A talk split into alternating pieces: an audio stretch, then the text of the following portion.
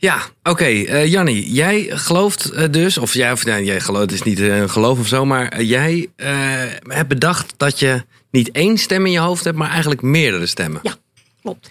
En is dat, is dat eh, om een beetje in Eckhart Tolle sferen te blijven, is dat, is dat het ego-stem? Of hoe, eh, hoe, moet ik het zien? Nou ja, je kunt eigenlijk zeggen van, ehm, eh, als je het hebt over ik, dan hoor je heel vaak zo van, ja, maar. Hè? Zo van, eh, ja, ik ben het wel met je eens, maar heb je daar en daar ook aan gedacht? Of eh, eh, eigenlijk heb ik daar geen zin in, maar ik doe het toch maar.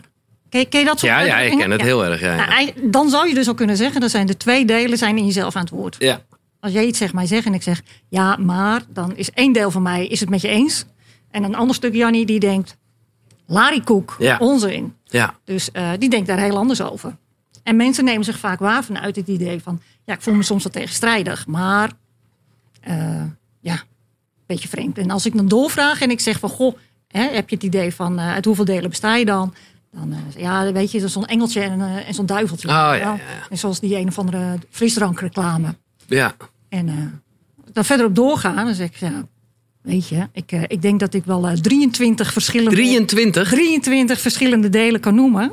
Ja, staat die zo goed? Ja, ja, goed. 23 delen kan noemen die je, als ik zeg ga beschrijven, wat eh, dat allemaal verschillende stukken voor jezelf zijn, dat je ze allemaal gaat herkennen. Ja. Nou, dat is ook echt wat je, wat je leest in het boek Ontdek je Ja. gebruiksaanwijzing. Eh, Maar heeft iedereen eigenlijk die 23 stemmen? Of het is, is het een random getal? Eh, Iedereen, Nou, sterker nog, ik denk dat er nog meer zijn, maar dit Ja. zijn de 23 die iedereen zal herkennen. basis, ja, ja, ja. Echt, eh, echt iedereen dat zal herkennen. Het is natuurlijk niet zo dat ze alle, drie constant alle 23 constant aan het woord zijn. Dat eh, zou een beetje al te grote kippenhok-effect eh, geven, denk ik. Nee, sterker nog, dat vind ik een wijze les. Juist diegene die het minste hoort, hè, je vergelijkt het met een klas, degene die het minste hoort, dat kunnen wel eens de hele belangrijke zijn. Ja. Eh, maar, die, maar die moet je dus meer plek geven. Ja. En misschien eventjes voor de Ja. helderheid eh, over, de, over al die ikken. Mijn uitgangspunt is dat je ze in, in verschillende groepen kan indelen. Je hebt groep A, dat noem ik dan de rollen in jezelf. Hè. Je hebt eh, de partner, je hebt Giel de, de vriend, Giel de werknemer, Giel de huisman. Ja. Hè, dat zijn delen waar je je rollen of waar je tijd tussen moet, eh, moet verdelen. En dan heb je eigenlijk ook delen die een specifiek doel in het leven hebben. Je hebt Giel de zorgenmaker, je hebt Giel de gezondheidsbewaker, je hebt de grensbewaker, je hebt een innerlijke boekhouder, om er maar een paar te noemen. Ja, ja, ja. De innerlijke criticus, nou de meeste mensen hebben daar Die wel eens van allemaal gehoord. Hè? Ja, de zorgenmaker trouwens ook. ja. En die, dat, die twee groepen bij elkaar, dat zijn er al 23. Gezellig. Ja, nou, staan ze ook beschreven in deze Ja. nieuwe eh, uitvoering. Ja. Die zijn overigens ook eh, eh, via mijn, eh, Je via mijn website, Ja, ja, kan, je, ze- kan je ze ook vinden. Dus voor mensen die zeggen, ik ken dat boek niet. Ik wilde wel eens naar kijken, die kunnen daar ook terecht. Ja. Maar die 23, die zitten met, in mijn metafoor, waar ik dus mee werk in mijn praktijk, zitten die 23 zitten in een klasje. En waarom een klasje? Eh, we hebben vroeger allemaal op school gezeten. En we weten dat als je een leraar voor de klas hebt die dat lesgeven goed in de vingers heeft, dan doet iedereen gewoon lekker mee. En eh, ja, het is gewoon rustig balans. Ja. En als je dan eh, die leraar weggaat en je krijgt een ander vak en je krijgt een andere docent. En als die minder goed in zijn vingers heeft, dan zijn er altijd een paar die het overnemen. Totale chaos. Ik weet niet of jij nog enigszins. eh, Oh ja, zeker. Wat voor rol jij dan eh, had in die klas. Ik, maar- heb er- ik krijg er gelijk helemaal zin in. Zeker als iemand nieuws is. Dat je ook gewoon de naam verkeerd gaat zeggen. en zo. ja. Ja, precies. Ja. ja, ik kan me zo voorstellen dat jij misschien een van de, degenen waren die dan veel aan het woord kwamen. Nou, dat viel wel mee hoor. Oh, oké. Ik was een wijze stoetje op tv. eh, of op tv. eh, ik ben in de klas. En dan ging ik op de radio ging ik pas los eigenlijk. Ah, oké. Nou, dat, dat kan dus ook. Hè? Wat je daar Ja. eigenlijk beschrijft is dat het werknemersdelen in jezelf die positie een heel ander karakter heeft. Ja. Als dat je thuis bent. Dus dat is ook Nou, ik vond het- ik- grappig om op te merken. Ik vind dat heel eh, even, even los, want het gaat eigenlijk eh, ja, verder dan alleen zeg maar, de, de, de, de stem in je hoofd, om het zo maar even te noemen. Maar inderdaad, de verschillende rollen die je hebt. Ik heb dat vroeger altijd best wel lastig gevonden om die te combineren, zeg maar. Dus ik zat dan op de scouting en ik zat op voetbal en ik zat op ballet. En ik, ik had nog een club met mijn vriendjes in de straat. Ja. En ik weet dat op het moment dat mijn moeder dacht: oké, eh, laten we je verjaardag vieren. Met dus eigenlijk mensen van al die verschillende clubjes. Nou, ik vond dat dat, dat, dat, dat kon gewoon niet. Omdat, nou ja, omdat ik voor mijn gevoel eh, overal en ergens ja, een andere rol had of zo. Ik vond het heel lastig Ja. om te combineren. Ja. Maar goed, dat is wat anders dan. eh, Nou, nee, dat is niet iets anders. Dat is eigenlijk precies hetzelfde. Alleen als je kind bent, dan zijn die, ehm, die verschillende rollen die je bekleedt eigenlijk nog redelijk overzichtelijk. ja. Maar als je wat ouder wordt, dan wordt het, dan wordt het eigenlijk nog veel gecompliceerder. Dus als je dat klasje gaat kijken van jonge kinderen, dan is dat eh, klasje veel minder gevuld dan als je wat ouder wordt. Ja. Maar hoe bepaal je eh, welke stemmen je aan... Hè, de- de- we gaan even de hele tijd door in, in jouw vergelijking. Want dat is precies eh, het fijne en overzichtelijk aan het boek. Waarbij je dus zelf ook vooral de leraar bent. Je zou kunnen zeggen, dat is echt wie je bent. Om weer eventjes eh, terug te gaan naar een soort Eckhart Tolle. Dat is wie je bent. En, en die egootjes zijn allemaal stemmetjes. T- Toch? Moet ik het een beetje zo zien? Nou, ik denk dat je het eigenlijk meer als een, tenminste, ik, ik zie Ja, het ja. als een geheel. Ja. En eh, als je nou graag die eh, verdeling wilt maken van wat zijn nou je ego-delen en wat is je ware zelf, hè, want daar hoor ik je, Ja. als je Eckhart Tolle erbij haalt, Ja? dan ehm, in die groep B, dus die delen die een specifiek eh, rol in het leven hebben, of een specifiek doel in het leven hebben, die zit er eentje, en dat beschrijf ik ook, die kan nooit te veel aan het woord komen en ik noem dat dan maar intuïtie. Ja. Voor mij is dat eigenlijk mijn innerlijk kompas. Maar ja, sommige woorden, sommige mensen die krijgen kippenvel als ze dat horen of eh, die slaan op ziel. Dus ik noem dat in dat boek dan maar intuïtie. Ja. En intuïtie is eigenlijk het delen in jezelf wat contact maakt met een andere laag in jezelf. Ik zie dat eigenlijk als een soort linking pin naar de, de bewustzijnslaag die eronder zit. Hè. Er zijn ook wel mensen die zeggen, iedere golf is de zee.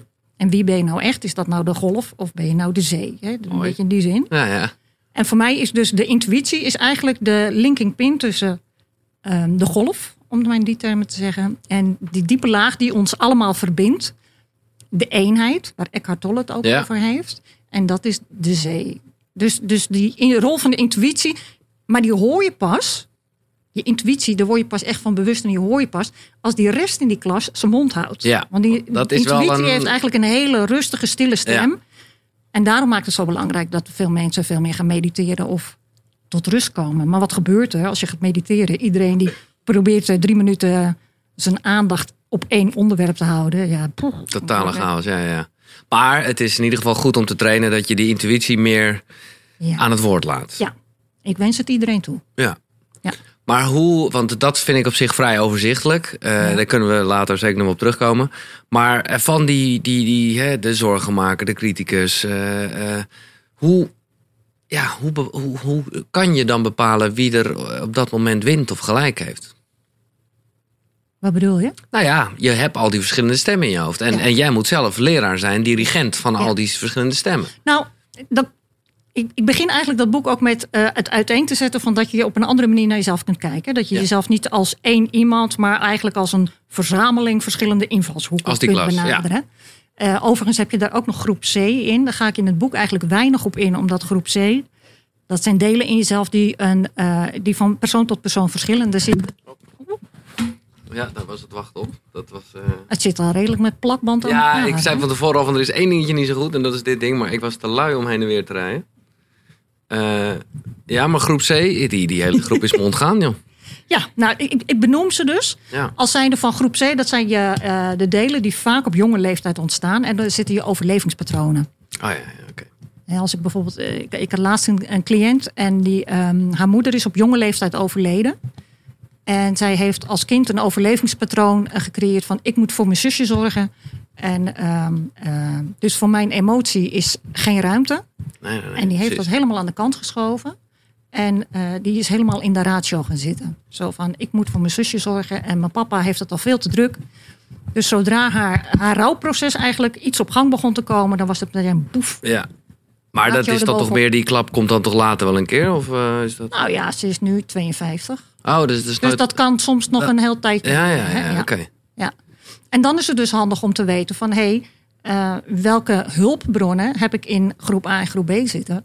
die me kunnen helpen om dat proces wat lang terzijde is gestopt... of een oud patroon wat eh, zich eh, in die, vaak in de jeugd al Wat gevormd... bedoel je met hulpbronnen? Voor de mensen die het boek niet gelezen hebben. voor de mensen die het boek niet gelezen hebben. Iedereen doen natuurlijk. Ja, ja, goed, ja. dit terzijde. Ehm nou, als ik bijvoorbeeld op dit, deze situatie doorga... Ja? Eh, wat zij als kind eigenlijk nodig had, dat was een moeder. Iemand die de moederrol op zich nam, die er gewoon in de armen nam en zegt: Kind, het is goed en huil maar gewoon en het maakt allemaal niet uit. En nu ze veel ouder is geworden, overigens zelf ook kinderen heeft, ehm, heeft ze zelf een moederstuk in zichzelf. Ja. Dus we hebben met een opstellingenwerk hebben we het contact eigenlijk in de ene stoel was eh, het kind wat nog met een eigenlijk een achterstallig rouwproces zat.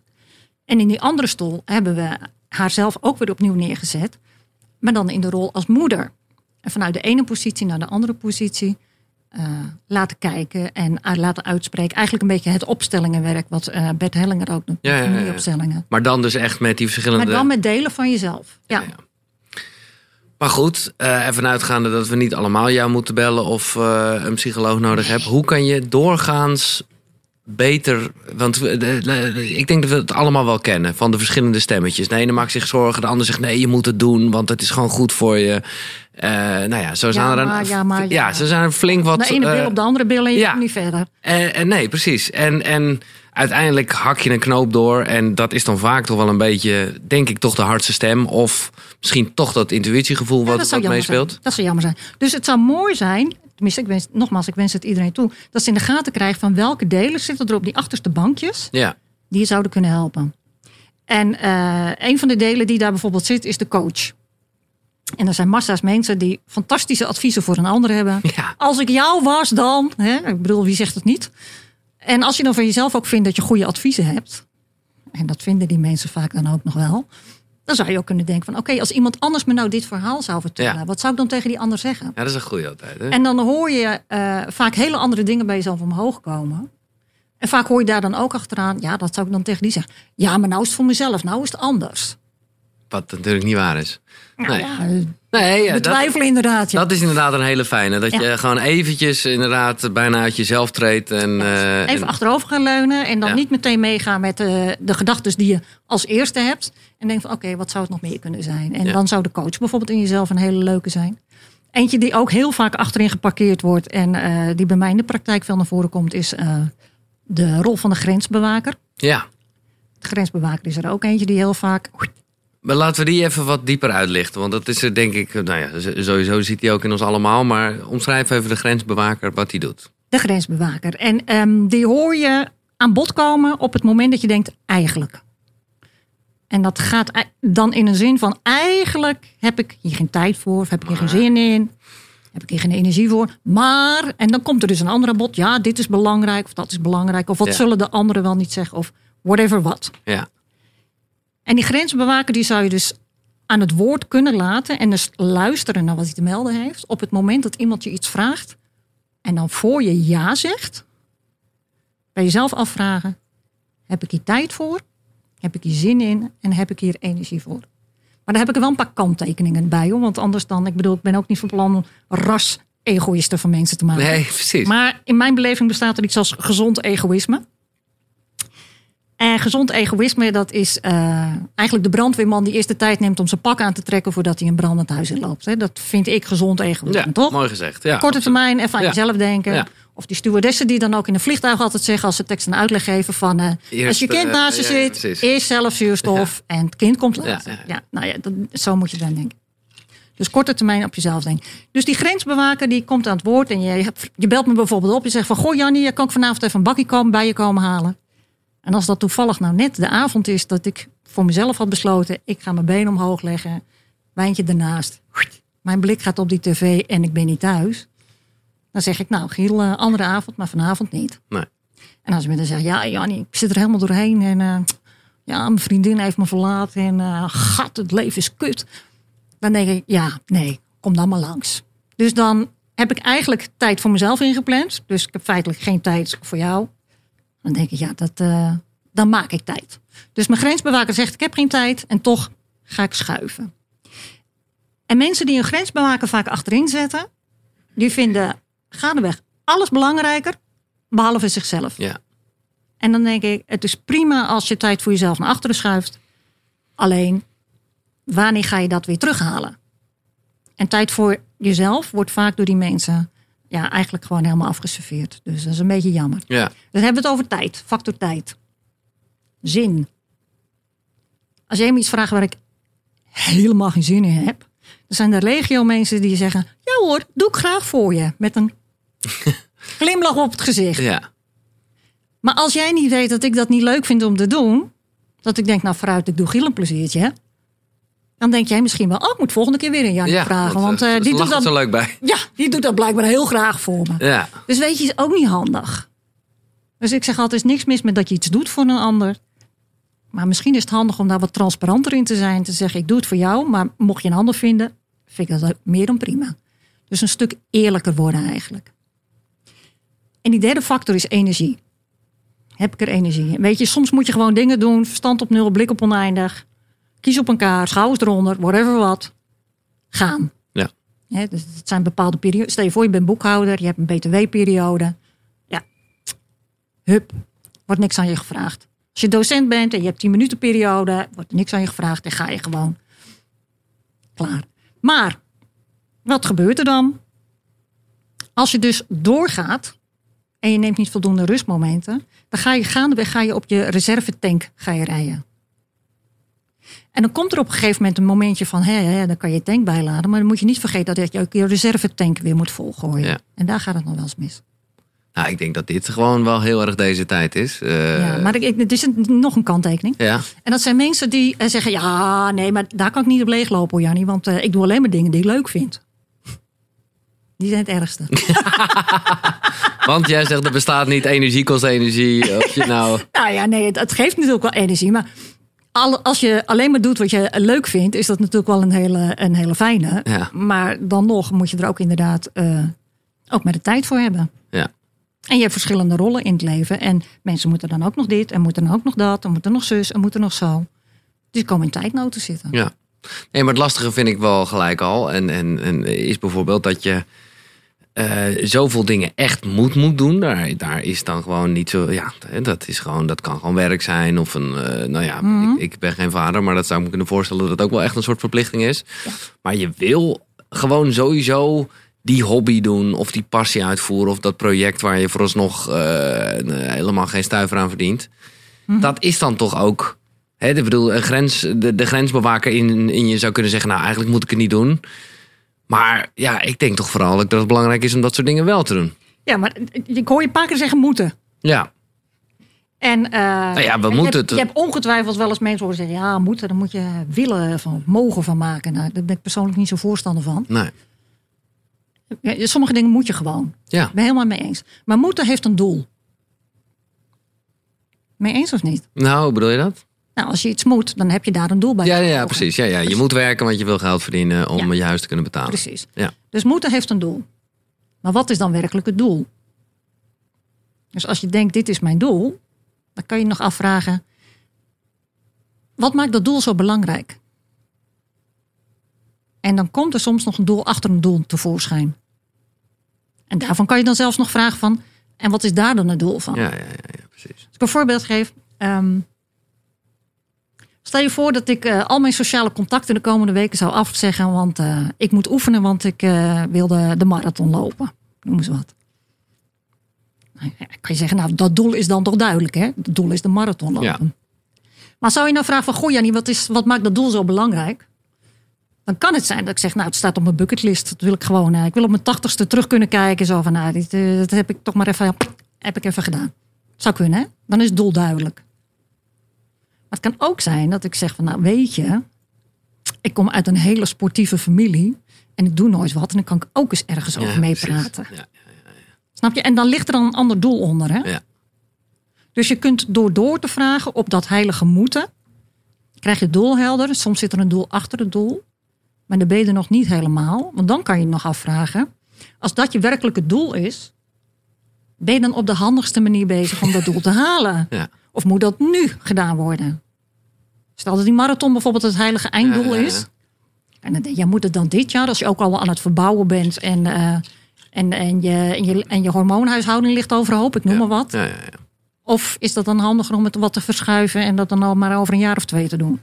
Maar eh, als ik jou zo hoor en dan ook als ik jou zo lees, dan moet je gewoon wel even tijd inruimen om eh, gesprekken met jezelf te voeren. Ja, lijkt me wijs. Ja. Ja, Hoe doe jij dat zelf? Ik ben redelijk in balans, eh, Giel. Nee, dat geloof ik wel. Nee, dat geloof ik heel erg. Maar ik bedoel, al- als we het hebben over tijd, heb jij bepaalde momenten dat je echt denkt: oké, ik ga nu eventjes met de hele klas praten. Ik begin dat boek met eerst dat eh, concept uiteen te zetten Ja. van, die, eh, van, van, die, van die delen in jezelf. En dan ehm, beschrijf ik hoe chronische spanning zich opbouwt. En je dat stuk nog terug kan halen, maar voor de lezers. Ja, ja. Ehm, chronische spanning, als, als er spanning in je systeem komt, in je, in je lijf en leden, dan zijn er vier terreinen waarop je eh, veranderingen kunt opmerken. Hè. Dus, dus lichamelijk kan er iets veranderen. En dat kan variëren van eh, verstoppingen tot aan diarree. Tot Ja. aan eh, psoriasis die begint op te vlammen, rode vlekken in je Lichaam nek, noem het op, whatever. ja. Lichaam geeft signalen. Ja. Tweede terrein waarop je veranderingen kunt opmerken is stemming. Sommige mensen worden het zagrijniger, andere mensen worden juist vreselijk uitbundig. Uh, andere mensen die trekken zich terug. Nou, kortom, de stemming kan veranderen. Derde terrein is gedrag. Je ziet sommige mensen meer eh, gaan pulken aan eh, hun neus of eh, eh, nagelbijten of whatever wat. En het vierde terrein waarop iets kan veranderen, dat is de cognities. Dus mensen worden warrig, vergeten dingen. Dus, eh, dus daar kan je veranderingen in opmerken. En als spanning gaat stijgen, dan ehm, eh, gaan die ernst van die klachten gaan veranderen. Dus iedereen heeft zo'n beetje zijn eigen klachtenpatroon. Maar als spanning verder op gaat lopen, dan gaan die klachten die worden steeds intenser. En ehm, op het moment dat je merkt dat spanning gaat stijgen, dan weet je dus dat er onrust in je systeem zit. Dat is eigenlijk het moment waarop je bij jezelf kan kijken van hé, hey, wat zorgt nou voor die onrust? En er kunnen spanningsbronnen zijn waar je helemaal geen invloed op hebt. Dat kan. Het Ja. kan grieperig zijn en kan van alles voorbij komen. Maar het kunnen ook spanningsbronnen zijn die je ongemerkt, waar je dus wel invloed op hebt. En dat is het moment dus om eens naar dat klasje te kijken van wat gebeurt daar? Naar welke stem ben ik niet aan het luisteren? Wie, eh, Of juist veel te veel. Ja, ja, ja. ja dus, dus één duo wat eh, eh, met stip op één staat als gezellig armpidoren op de voorste rij. dus de innerlijke criticus en de zorgenmaker. Ja. Die kom je echt bijzonder vaak tegen. ja. Ja. Die- En En, en, al, en al die delen, hou me te goede, al die delen die hebben een positieve Hebben een rol. Hè? Nee, precies. Hebben Ja, ja. allemaal een positieve functie in het verhaal. Ja. Maar kon je ook een beetje zeggen bij het spanningsverhaal alsof het bijna wel normaal is dat je wel spanning zou hebben? Dat moet bijna wel. Nou ja, weet je, kijk naar de maatschappij en dan denk ik van, eh, daar, kom je, daar kom je niet van vrij bijna. Nee. nee. Alleen de vraag is een beetje, wanneer, wanneer wordt het meer? Dan moet je eventjes goed... eh, Ja, kijk, ik wens iedereen een relaxed leven toe. Ja. Maar eh, het is een utopie, denk ik, dat je, dat je zonder spanningsbronnen door het leven gaat. Dat, eh, het gaat erom hoe verhoud je je ermee en wat doe je ermee. Ja. Dat is een heel ander verhaal. Nou ja, en om nog even dat dan wat in te zoomen op dat duo. eh, wat, wat, wat, nou ja, wat als mensen het hebben over stemmetjes in hun hoofd, dan is het heel, zijn het heel vaak die twee stemmetjes. Dan, eh, dat- vond ik het leuke van jouw boek, dat je eigenlijk wat breder denkt en denkt, oh ja, er zijn eigenlijk veel meer onderdelen. Ja. Maar die twee, dat kennen we allemaal wel, de criticus en de zorgenmaker. Eh, en die hebben ook, nou ja, precies wat je net al zei, af en toe echt wel een punt. Ja. Ja. Eh, maar ja, ze moeten niet je leven overnemen. Nee. Dus bijvoorbeeld ga je kijken naar die innerlijke criticus. Nou, dat is, iedereen kent die wel natuurlijk. Maar als je die innerlijke criticus, even voor de helderheid, wat het positieve doel daarvan is, dat is het deel wat de hand in de eigen boezem steekt en denkt van, hé, hey, wat had ik hier beter kunnen doen? Ja. Ik weet nu al dat als we dit gesprek gehad hebben, dat ik eh, Ja, straks terug in de auto Ja. zit. Nou, Ja, die begint los te branden. Dus dat maakt niet uit, daar heb ik me al op ingesteld. Maar de vraag is van, eh, in hoeverre heeft hij een punt? En in hoeverre heeft het innerlijke criticus heeft gewoon altijd wel iets te zeiken, als ik het even plat mag zeggen. Ja, ja, ja. Die, die vindt gewoon altijd wel iets waar hij over kan lopen eh, zemelen. Dus als je dat weet, is het ook zinvol om te kijken, waar ga ik er naar luisteren? Of ja, als een soort bewegend behangen, in je, een beetje muzikaal behangen in je hoofd. Schuif je dat terzijde. Ja, maar dat is lastig. Ja, en toch doe je het ergens op een bepaalde manier al heel vaak. Ik bedoel, als jij een winkel binnenkomt en er staat muziek op waarvan je denkt, mijn god, wat een pot met herrie. Maar ik kom hier om een broek uit te ja, zoeken. dan Ja, denk weet je, dan concentreer je op wat anders. En als jij aan het eten bent, ergens in een restaurant, nou dan. Die tafeltjes die staan zo dicht op elkaar dat eh, je kan het gesprek met de buren woordelijk volgen. Ja. Toch? Als je wil. Ja. Ja, hoef je hier niet echt je best voor te doen. Nee, nee, nee. Nee, en dan verplaats je je aandacht naar de menukaart van, goh, wat zal ik eens gaan eten? En dan gaat het daar op dezelfde volume door. Ja. Maar je hoort het niet. Nee. Dat is maar net waar je de aandacht op focust. Juist. Nou, dat is grappig dat je het eh, nu eten noemt. Eh, daar heb ik mezelf echt in uitgedaagd. Want op een gegeven moment begon ik namelijk echt last te krijgen van misofonie. Ik weet niet of je weet wat het is. Misofoon. Super irritant. Nou, het is gewoon de hel. En, en dat werd ook op een gegeven moment. Ja. een andere definitie. Nee, het is, het, is, het is dat je eh, er heel slecht tegen kan als je iemand hoort eten. En ik Oh. had daar eigenlijk nooit last van. Zou voorzichtig zijn met door. Nee, nee, nee. Ik, heb het, ik heb, ben er helemaal doorheen gegaan. Omdat ik gewoon dacht, ja, dit ga ik, dit ga ik niet laten toestaan of zo, weet je wel. Oké. Eh, waardoor ik gewoon echt YouTube-filmpjes ben gaan kijken van mensen die appels eten. Nou, ik bedoel, dat vind ik nog steeds gewoon een beetje rilling over mijn rug. Maar ik heb het wel zo. Ik, heb het, ik dacht gewoon van ja, het, het werd namelijk ook erger. En ik dacht gewoon van ja, wat, ga ik ineens nu een soort gek kwaaltje krijgen? En eh, Dat zou op, allemaal kunnen. op een gegeven moment had ik het ook bij mezelf. Als ik dan zelf een wortel had, dacht ik, oh, wat een, wat een vreselijk geluid. Ik dacht, oké, dit, die moet ik, dit moet ik gewoon doorheen. Ja. Eh, want dit is echt complete Expo- onzin. exposure, hè, dit is gewoon dat In onzin. Wat betekent dat? Blootstelling. Ja, ja. Jezelf bewust blootstellen. Ja, En dan erachter komen van, ja, weet je, waar gaat het over? Het gaat helemaal nergens over. Nee. En dan, dan is het, nou ja, precies wat je zegt, ook met aandacht. Dan op een gegeven moment, dan is het dus weg. Ja, ja. Aandacht doet een heleboel. Maar het is ook ergens, ik weet niet of dat dan de criticus is of niet, maar ergens is dat dan dus wel eh, de man, of het mannetje, of eh, nou ja, de, de, de, een leerling, die eh, voor mij heel belangrijk is. Namelijk wel diegene die met de zweep er een beetje over gaat en zegt: Oké, even geen gelul nou. Ja. Bam. Dus je hebt er ook heel veel aan. Ja. Mensen die hun innerlijke criticus te weinig aan het woord laten, dan krijg je. Ik ken één iemand die iedereen wel kent, denk ik. Dan krijg je een Trump. Ik Ja, ja. bedoel, het ligt nooit aan hem. Het ligt altijd per definitie aan een ander. Ja, is dat natuurlijk wel een rol die hij. eh, Nou, ik weet het niet. ik weet het ook niet. Ik bedoel, ik weet niet eh, hoe hij eh, met zichzelf is als hij onder de Zoals hij zich etaleert, staat. Ja, tuurlijk. denk ik van het is iemand die zijn innerlijke criticus achter in de klas heeft geparkeerd. Ja. En, Ook wel eh, lekker, een meter, toch? meter duct tape erover Wel en lekker. handjes gebonden. Af. Het is wel een relaxed leven, of Ik niet? weet het niet, maar het maakt hem sociaal niet zo heel handig. Nee, dat is ook zo. Nee. Dus zo'n innerlijke criticus helpt ook heel erg om, ehm, ja, om, om, om verder te gaan en, eh, en om eruit te halen uit jezelf wat erin zit. Dat ben ik met je eens. Maar het, zijn ook, het is ook tegelijkertijd het stemmetje wat, eh, wat ervoor zorgt dat mensen heel erg naar het perfectionisme toe gaan. Ja. Perfectionisme of mensen denken, nou weet je, als ik nou maar overal controle op heb, kom ik er ook wel. Ja. Nee, perfectionisme is toch eh, eigenlijk dat we heel, heel vaak gaan mensen het zeggen als stiekem een soort. alsof het een goed iets is, weet je wel. Ja, En dan moeten ze een slechte eigenschap noemen. Zeggen ze, ah, ik ben wel heel perfectionistisch.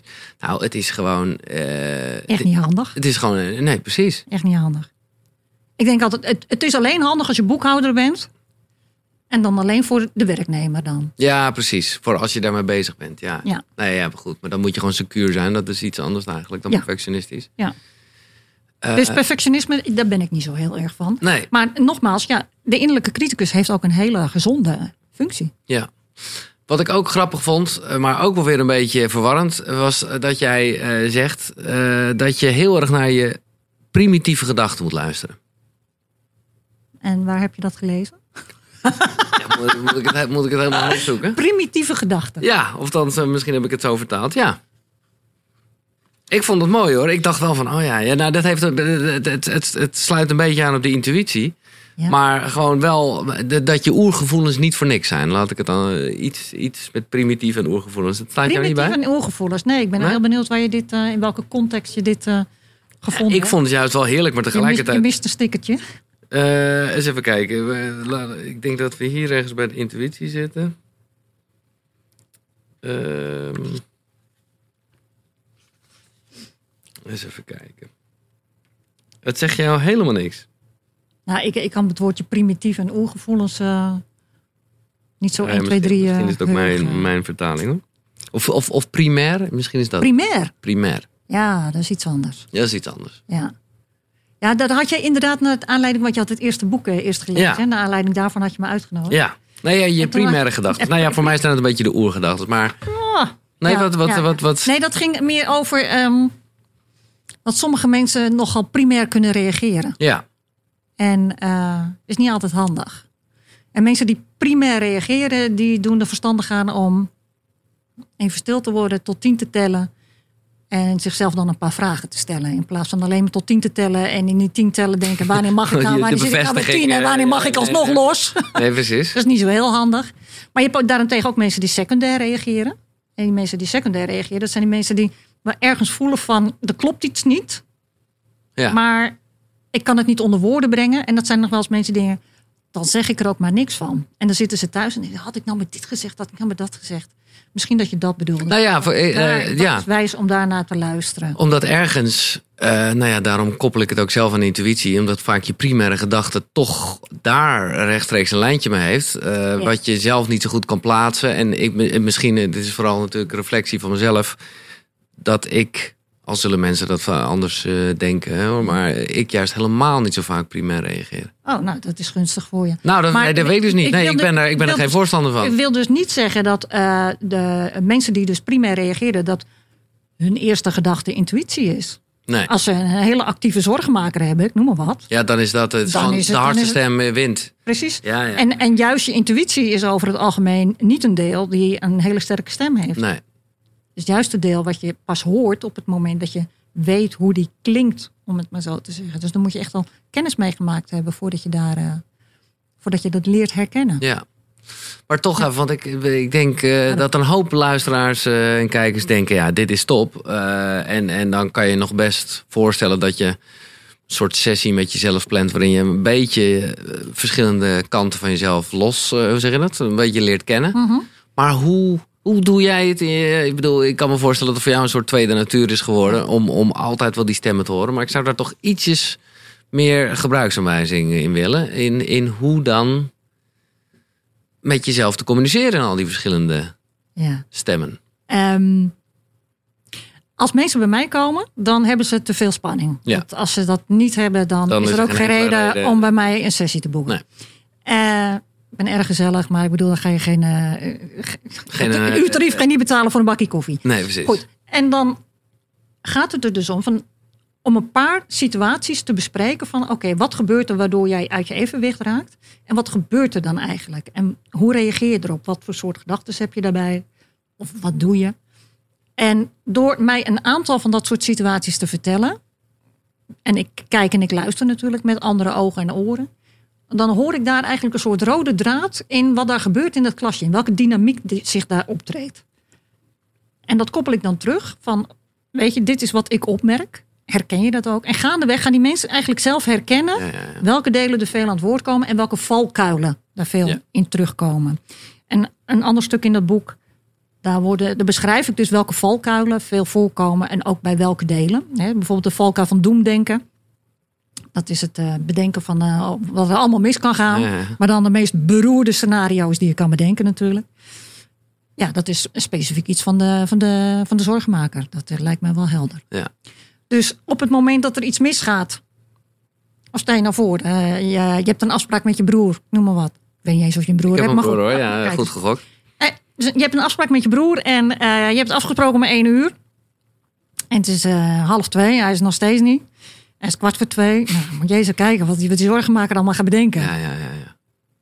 Die zal heus niet denken van, och, nou, eh, de brug staat open naar een band of zo. Nee, die, eh, nee, want dan had hij minstens gebeld. en eh, oh, hij ligt vast in het ziekenhuis, we komen uit, want anders had hij me wel gebeld. En weet je, dus je bedenkt rampscenario's. En sommige mensen zijn er heel bedreven in, hè. Die zien echt overal beren op de weg en die hebben overal, ja, dit kan misgaan en dat kan misgaan. En, Nou ja, ik denk dan ook altijd, want ik moet zeggen, dat gedeelte eh, daar heb ik nog wat minder last van. Want ik denk ook altijd, je roept het gewoon nog op je af ook of zo. Als je allemaal dat soort dingen denkt. nou ja, je gaat kijken met een andere bril, dus dan zie je alleen maar ellende en narigheid. Dus Ja, je wordt erin bevestigd. Ja. Ja. Wat, eh, hoe, hoe kwam je eigenlijk zo bij, dit, ehm, bij deze analogie van, van, van die klas? Hoe, hoe kwam dat zo tot jou? Weet je dat ik geen idee meer heb? Nee, oké. Nou ja. Nee, ik, ehm, ik mediteer zelf eh, eh, regelmatig. Ja? En ehm, ik ben in 2003 met mijn eigen praktijk eh, begonnen. Ehm, en ik heb gewoon echt ontzettend veel geleerd van al mijn cliënten die ik, die ik heb gehad. Ja. En op een gegeven moment, ik vind het wel leuk om, de structuur eh, helder te krijgen. Wat gebeurt hier nou eigenlijk? Dat, Een beetje de een vindt dit leuk, de ander ja, vindt dat ja, leuk. Ja. Dus ik ben altijd aan het kijken, wat gebeurt er nou eigenlijk in dat brein van mensen? En ik heb eh, cognitieve gedragstherapie eh, gedaan, hè, GZ-psycholoog. En eh, daarnaast ik andere dingen gedaan, familieopstellingen, maar ook allerlei verschillende opleidingen. En gaandeweg kreeg ik wel wat meer helder van... hé, hey, wacht eens eventjes. Meerdere delen, te communiceren met meerdere delen. Nou, dat is ook een van de onderdelen die je dan meekrijgt. En opeens, ja, kreeg ik opeens zo'n flits van... hé, hey, maar al- als ze nou eens allemaal in een klasje zitten, wat gebeurt er dan? En dat kristalliseerde zich verder uit. En ja, dat, dat werd dus de metafoor van het klasje. Ja, nee, het en zo heb ik wel leuk. vaker van die, van die beelden die bij mij dan omhoog je komen. En komen. opeens... eh, Nou ja, Dat is zeker, het. zeker met die, met die eh, wat mensen wel kennen, denk ik, van die familiesettings. Ja, eh, dat, dat, dat is het eigenlijk, maar dan met jezelf. ja. En, en, maar dat leuke vind ik gewoon van... want ik gebruik deze metafoor dus al, al jaren. ja. Iedereen heeft op school gezeten. Ja, dat is ook nog eens een keer zo, ja. Iedereen Ja. weet wat er gebeurt. Dat als er geen balans is, als er geen aansturing is... dat er altijd een paar zijn die het overnemen. Ja. Altijd. Nee, ik, eh, eh, eh, de vorige aflevering was Sunny van Sunny Zoekt Geluk hier. En die had het over een boek. Ik heb het nog niet gelezen, maar het deed me er wel heel erg aan denken. wat zij omschreef. Jij zal het ongetwijfeld kennen, want het is wel een soort classic, geloof ik. Ik en mijn ikken. Ja. Maar dat is ook iets met, of dat is meer een bus of zo, vertelde zij. Ik weet het niet precies. Ja, en die metafoor met die bus, wat ik, ja, nou ja, weet je, ik zit wel eens in een bus, maar ik ben geen buschauffeur. En, en dan gaat het er eigenlijk voornamelijk ook over van eh, wie bepaalt het gedrag. Ja, En bij mij gaat het niet alleen over wie bepaalt het gedrag, maar ook wat gebeurt er allemaal in het hoofd. ja. Eigenlijk En ook. je hoeft nog niet eens wat te doen om het Nee. druk in je hoofd te hebben.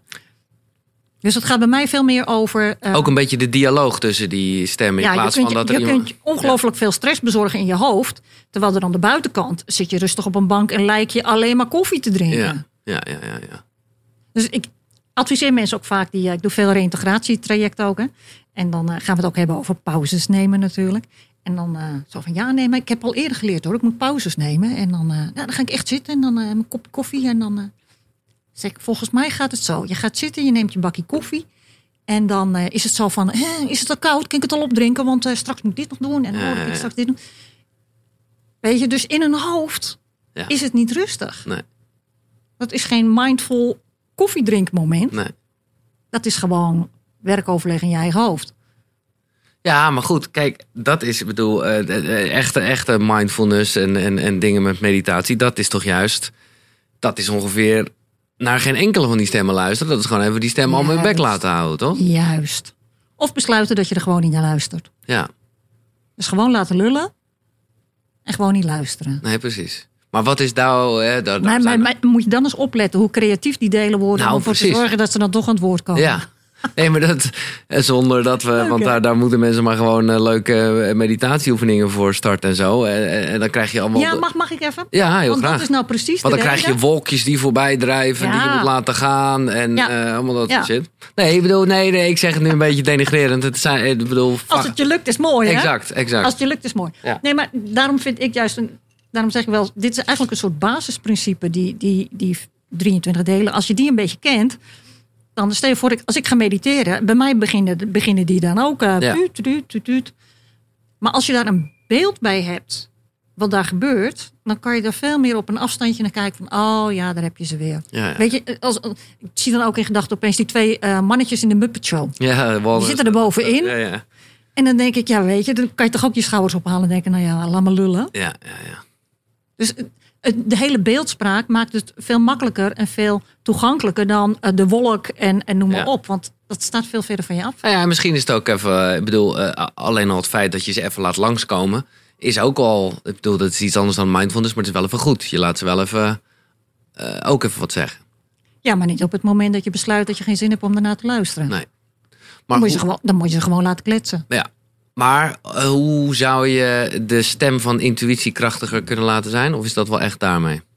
Nee, dat, dat- daar zijn echt ook wel visualisaties voor. Dat je dus echt, echt eh, visualisaties, dat je gaat leren herkennen hoe je dat stuk kan oproepen. Net zo goed die coach bijvoorbeeld, hè, die kan je Mhm. oproepen door jezelf de vraag te stellen: wat zou ik iemand anders eh, Ja. zeggen? Precies. Die grensbewaker, zo van hé, hey, eigenlijk. Hè, dus zo zijn er verschillende delen die je op verschillende manieren kan activeren. En eh, visualisatie, ik ga er overigens ook een, eh, een cursusdag eh, ga ik daarover geven. Nice. Ehm, dan, om dus ook met visualisatie, intuïtie, sterker met je intuïtie in contact te komen. Maar kan je een kleine sneak preview geven? Want, want het klinkt mij nog een beetje. Ik bedoel, ik snap dat je iets moet visualiseren, maar ik snap niet helemaal hoe je, hoe je daardoor je intuïtie beter hoort. Sterker horen.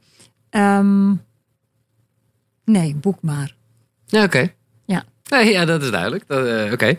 Ja. Eh, ook gewoon ontdekjegebruiksaanwijzing.nl Ja. te checken? Ja, daar staat, eh, nou, op mijn website van Kracht en Welzijn, dat is dan Oh ja. de, de praktijk, daar staan in ieder geval de, de dagen dat ik cursussen en trainingen geef. Hoe ehm, denk jij over eh, medicijn en dergelijke? Medicijnen. Ja. Nou, als het echt nodig is, is het nodig. Ja. Maar huisartsen die naar mij doorverwezen, die wisten dat ik, eh, die weten dat ik, eh, ik als, als ik zeg van nou, antidepressiva lijkt me nu wel handig, of iets van eh, medicatie als, noem het maar op, dan was het toch wel echt nodig. Want weet je, over het algemeen, als je medicatie gebruikt, dan vallen klachten weg. Ja. Maar dan ben je ook tegelijk je symptoom, je signaal. Dat is het ding, weet je wel. Je, je, eigenlijk zou je kunnen zeggen, eh, om weer door te gaan met de, de, de klasanalogie... dat misschien wel bepaalde stemmen eventjes helemaal de mond Snoert. snoert. Maar ja, het is wel nogal geforceerd. Eh, en, Ik ben, ik ben er op zich geen voorstander van. Nee. Dus mensen die eh, wat eh, met paniekklachten of, eh, of angstklachten dan eh valium of weet ik Ja. wat voor een eh, zooi krijgen. Dan denk ik altijd, ja, weet je, dat voelt een beetje verdoofd. Maar goed, dat kan even goed zijn als een soort paracetamol. Ja, als je al, als je al zeven nachten niet geslapen hebt, dan kan dat eh, best wel eventjes gunstig en lekker zijn. Maar de meeste mensen die gaan medicatie gebruiken en dan vervalt de noodzaak om met zichzelf aan de gang te gaan. Ja, Want je noemde net al op, hè, van, eh, moet je dan ook nog eens eh, tijd gaan inruimen om met jezelf in gesprek te gaan? Nou ja, dus. ja, dus. Nee, maar dit vind ik grappig. Eh, en, en ik bedoel, iedereen heeft daar een andere mening over. Maar kijk, op een gegeven moment is bij mij ADD, een soort ADHD geconstateerd. Mhm, Oké, prima. mhm. Medicijnen, nou, lullen is lullen. Ik vond het wel, het was wel... Het had- Was wel lekker. hè? Nou ja, het gaf wel wat. Ik bedoel, er was wel een soort storm in mijn hoofd die ging liggen. Ja. Maar ik ben er eigenlijk toch eh, recent mee gestopt. En ik heb er best wel veel discussies over gehad. Omdat er natuurlijk ook mensen zijn die zeggen... ja, nou ja, mensen die suikerziekte hebben... die moeten ook eh, de hele tijd eh, gewoon even iets doen. En, en, en mijn moeder kwam met, met, de vergelijking met cholesterol. Die zei ook, ja, ik wilde eerst ook niet aan die cholesterolverlagende pillen. Maar ja, ik word helemaal ouder, dus ik ben het toch maar gaan doen. En daar was ik het dan niet mee eens. Omdat ik gewoon zei, nou man, ga jij lekker mediteren. Moet je eens kijken hoe je cholesterol verlaagt. Maar goed, dat, dat kon ik er niet helemaal... dat, dat, ja, dat ging ik toch niet... Dat geloofde je niet. Nou ja, ik dacht ook, joh, eh, dat hoeft dat, dat- wat jij wil. Maar met betrekking tot mezelf Ja. zat ik daar wel een beetje, eh, nou, in, in, in, in, een soort strijd. ja, weet je, ik, ik, ben zelf geen voorstander van Ritalin. Nee. Maar Ja, het was eh, iets het- anders. Nou, nou ja, maar een soort, soort soortgelijk, ja. Ik kan me wel heel goed voorstellen dat je er wel lekker rustig van kan worden. Dat is het. Maar ja, er zit geen einde aan. Dat is meer een Nee. beetje. Daarom snap ik, weet je wel... En, eh, en da- dan denk ik, er zijn ook andere manieren, zoals bijvoorbeeld eh, eh, ehm, met biofeedback kan je leren. Kan je kan je, je zenuwstelsel leren. En met Ja. ademhaling kan je heel veel doen. Ja. Dus er zijn heel veel andere methodes waarop je je hele biochemische systeem van binnen kunt gaan reguleren. Ja. Maar dat vraagt wel training. Nee, working on it. En dat vind ik ook super interessant. En ik Ja. merk gewoon... Ja, weet je, kijk, het nadeel van een medicijn is op een gegeven moment gaat het toch weer uitwerken. En, eh, Maar ja, en wat doet het verder in je lijf? Nou, dat is het. eh, We gebruiken is onszelf als een soort guinea pigs. Ja, en ik moet er ook aan denken. eh, hè, en, en dit zijn dan gewoon medicijnen. Maar als je denkt aan nou ja, eh, eh, andere soorten drugs, laat ik het zo dan noemen. Ja, dan wordt het allemaal knap lastig om naar je stemmen te luisteren. Weet je wat ik wel grappig vind? Want ik heb er ook wel eens naar zitten denken van... wat gebeurt er nou als iemand alcohol in zijn Ja. systeem gooit? Hè? Ja. En ik heb er een filosofie over. Ja, welke stem wordt luider? Nou, in mijn idee... En ga eens kijken of je dat kan plaatsen of niet. Hè? Want je hebt dat boek al gelezen, dus Ja, je hebt een beetje dit idee. Van. In mijn idee, als je er alcohol in giet... dan verdooft dat een beetje de delen die op de voorste rij zitten. Waardoor delen die op de achterste rij zitten denken... hè, hè, nou bij, En- hè, hè, nou ik. Ja, ja, ja. En dat maakt ook waarom sommige mensen eh, totaal anders reageren als ze drank op hebben. Er zijn mensen die worden agressief. ja? En dan denk ik, nou, hoeveel agressie heeft zich daar Ik opgepompt achter er in die klas? in, hè. Maar sommige mensen worden ook heel lollig. Die blijken een humor te hebben dat je denkt, hè? Nooit van gedacht. Dus het is net alsof er, alsof er kwaliteiten in iemand loskomen, positief of negatief. Ja. Die daarvoor niet, aan, uh, niet want echt naar voren kwamen. In wezen gaat het natuurlijk ook wel verder dan alleen maar, maar, maar stemmetjes of meningen. Want ik, ik moet gelijk denken, eh, ook weer een beetje met mezelf, aan bijvoorbeeld... eh, ja, ik zou niet weten eh, of dat in een van de, van de, van de poppetjes zit, zeg maar. Maar eh aanra ja, eh, aanrakerigheid, hoe zeg je dat? Eh, gewoon echt, echt daadwerkelijk eh, fysiek contact. Daar ben ik dus normaal gesproken, ben ik daar gewoon niet zo van. Mhm. Maar ik denk toch dat het iets is wat, eh, wat ik toch wel nodig heb. Want dat weet ik gewoon altijd als ik eh, een beetje drink. Mhm. Ja, ik Krijg je huidhonger. huidhonger, ja. Ja. Oh, dit is ook echt het woord van de dag, is dat, hè? Is dat zo? ja, nou ja, daar kwam ik toevallig, eh, had ik met iemand over. Maar ja. Maar Dus dan zit er eentje achter in jouw klasje. Die Ja. gewoonlijk een beetje misschien licht te schaamte. Maar welk, welk, welk, welk, Wie zal het zeggen? welk, welk, welk Ja, type is het dan? Geel, dat zou ook een groep C-deel kunnen zijn. Ja, ja, ja, ja, precies. Dus wat je verder eh, niet Nee, dan, helemaal in je boek moet- uitlegt. Dan, gaan we, dan ga ik je eens op de divan leggen. En, eh Ja, ja, spreekwoordelijke divan dan. Nee, dus. nee, nee, maar dan komt het, dan komt het gewoon ergens eh, vanuit je jeugd. Bijvoorbeeld. Ja. Hoe zie jij Zo dat? van wat maakt dat dat pas naar voren komt op Ja. het moment dat je drank op hebt. Welke rem zit erop om gewoon sowieso fysiek contact op te zoeken? Ja, true. Maar is het niet zo... eh, maar ja, misschien is Ja, dat- maar. Nee, nee, nee, nee. Nee, nee geen maar, maar dat is, dat is, dat is voor jou gewoon werkgelegenheid. Eh, dat eigenlijk iedereen... Ja, of het nou een klap van de molen is of niet. Maar in ieder geval dat iedereen...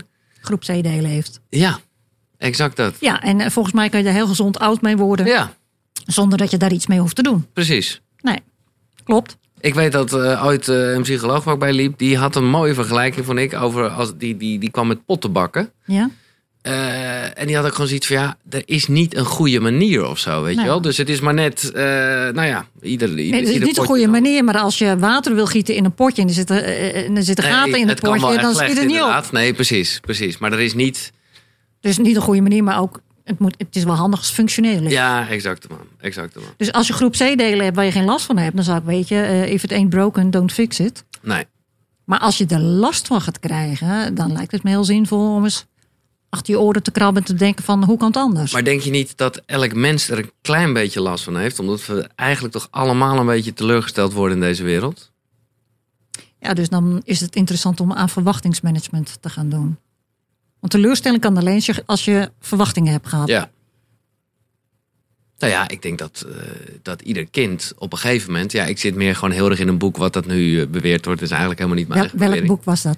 Dat is eh, de Essence Process. Het is een heel ingewikkelde toestand. Waarbij ik nu... eh, ik zit in de laatste week. Ik ben er ook echt wel klaar mee, moet ik zeggen. Want eh nee, ja, het is gewoon een heel intens iets. Omdat ik gewoon elke ochtend en avond een kwartier lang... Nou, niet eens moet mediteren, maar hij noemt het bewust ademen. Mhm. Eh, en, en de laatste drie weken ook nog eventjes, wat wel een leuk experiment is. Ik heb het hier al eerder over gehad. eh, je in een warm bad moet. Waarvan je dan denkt, ja, wat is het probleem met een kwartier in een warm bad zitten? Nou, je wordt helemaal gek, kan ik je zeggen. Sommige mensen worden daar gek van. Dat is echt... eh, en niet jouw ding. Nee, nou ja, dat valt op zich wel mee. Alleen ik had niet door dat ik eigenlijk normaal gesproken altijd wel even een keer eh, uit dat bad klim in die 15 minuten. Maar goed, lang van kort. Hij, eh, eh, hij, hij en dat leer je dus ook in het boek, gaat helemaal terug naar de essentie. En zegt dus, iedereen, er is bij iedereen iets misgegaan ja, in de buurt van zijn zevende levensjaar. En dat hebben we eigenlijk nooit opgelost.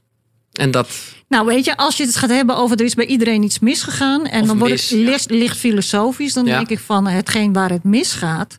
Is dat wij denken dat we afgescheiden wezens zijn. Hè? Dus ieder golfje is de zee. Dat wij op het moment dat je denkt dat je alleen het golfje bent. en je raakt de verbinding kwijt. ja, Dan, oké, eh, now we're de- talking.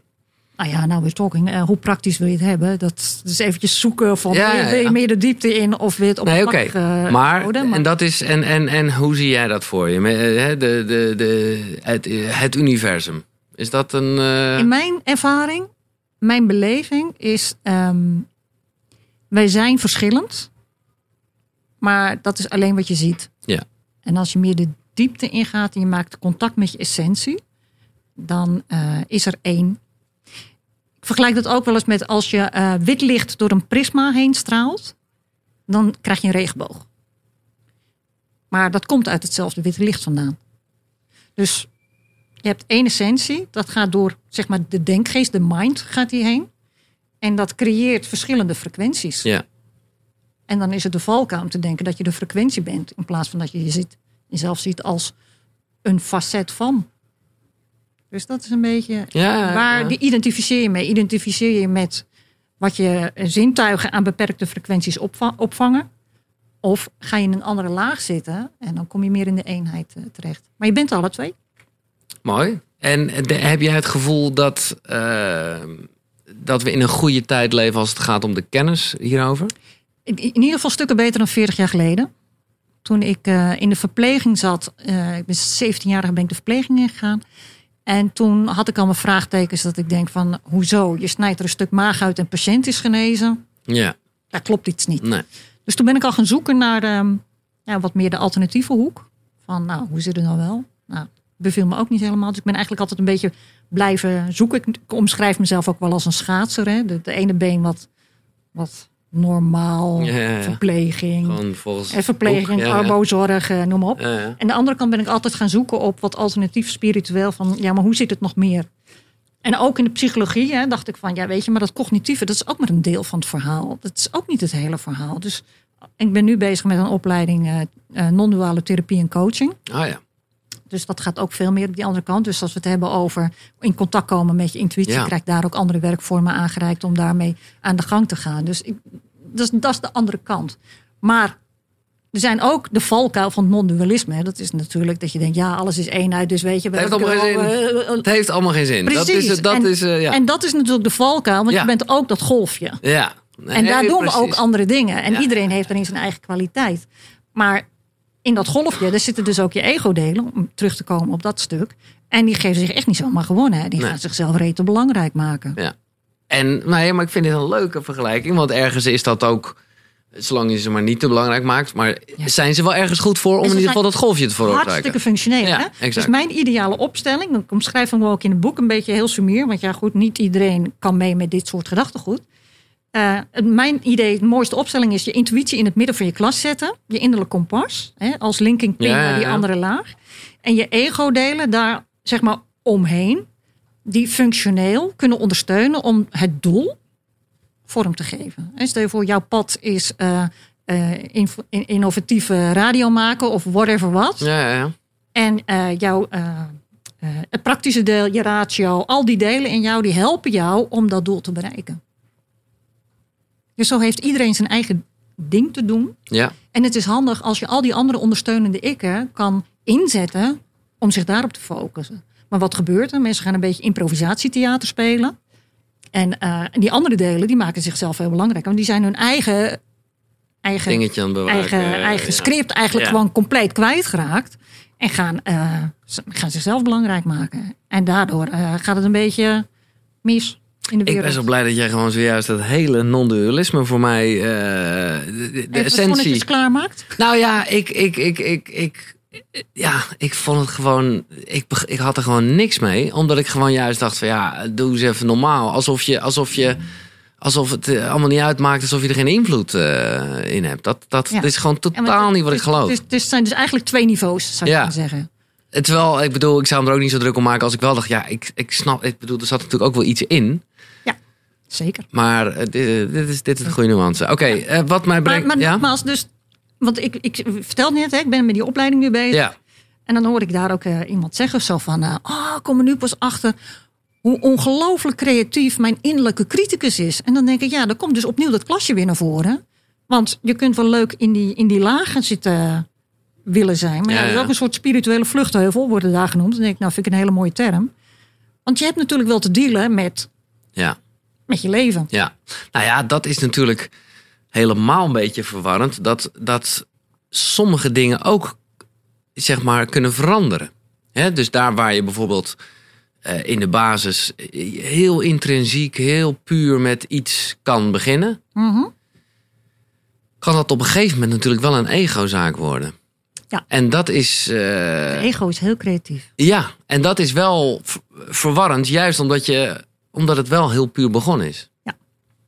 Ja. Dus het verandert Dus ook het nog vraagt wakker blijven. Ja, nee, dat vraagt het zeker inderdaad. Ja. Ja. Eh, laten we gaan naar. eh, ik heb Overigens, dat hele non-dualisme en dergelijke, dat komt natuurlijk in dat, voor de luisteraars niet. even totaal niet in dat boek. Totaal niet hoor. Dat is een heel praktisch. Dit is een heel normaal boek. Eh, nee, nee, maar ik vind het toch wel leuk. om- Juist om, en ik snap, ik vind het ook lekker dat je er niet op ingaat in het boek over. Nou ja, ik bedoel, eh, de, de- verder dan de golfjes en de zee eh, gaat het niet, bij wijze van Nee. spreken. Want voor de rest is het vooral ontdek je gebruiksaanwijzing. Gewoon Ja. lekker. Juist eh, omdat en eh, keuken, zeg maar. eh, dat andere stuk heel vaak gebruikt wordt om vooral niet met zichzelf bezig te zijn. Nee, precies. En dan denk ik, en je gaat jezelf weer tegenkomen. Dat Ja. kan niet anders. Ja. Want die andere delen, dat heb je zelf net opgemerkt, die zijn ongelooflijk creatief Ja, om ervoor te zorgen dat ze het toch weer alsnog gaan overnemen. Dus je kunt ze maar beter alvast kennen en weten is- hoe je ze kunt inschakelen in plaats van dat ze de boel Ja. overnemen. Nee, en ik denk dat veel mensen, en, en, en ik denk dat daar kijkers en luisteraars eh, ook van Koekeroe echt wel eh, ja, ook mee te maken hebben, die, die ook bijna een soort vlucht nemen in, nou ja, noem het het spirituele, maar in ieder geval eh, boeken lezen, dingen dat. Maar eigenlijk vooral niet met zichzelf aan het Nee. communiceren zijn. Nee. Of het helemaal fantastisch vinden dat ze mediamiek zijn, dat ze van alles horen of van alles zien.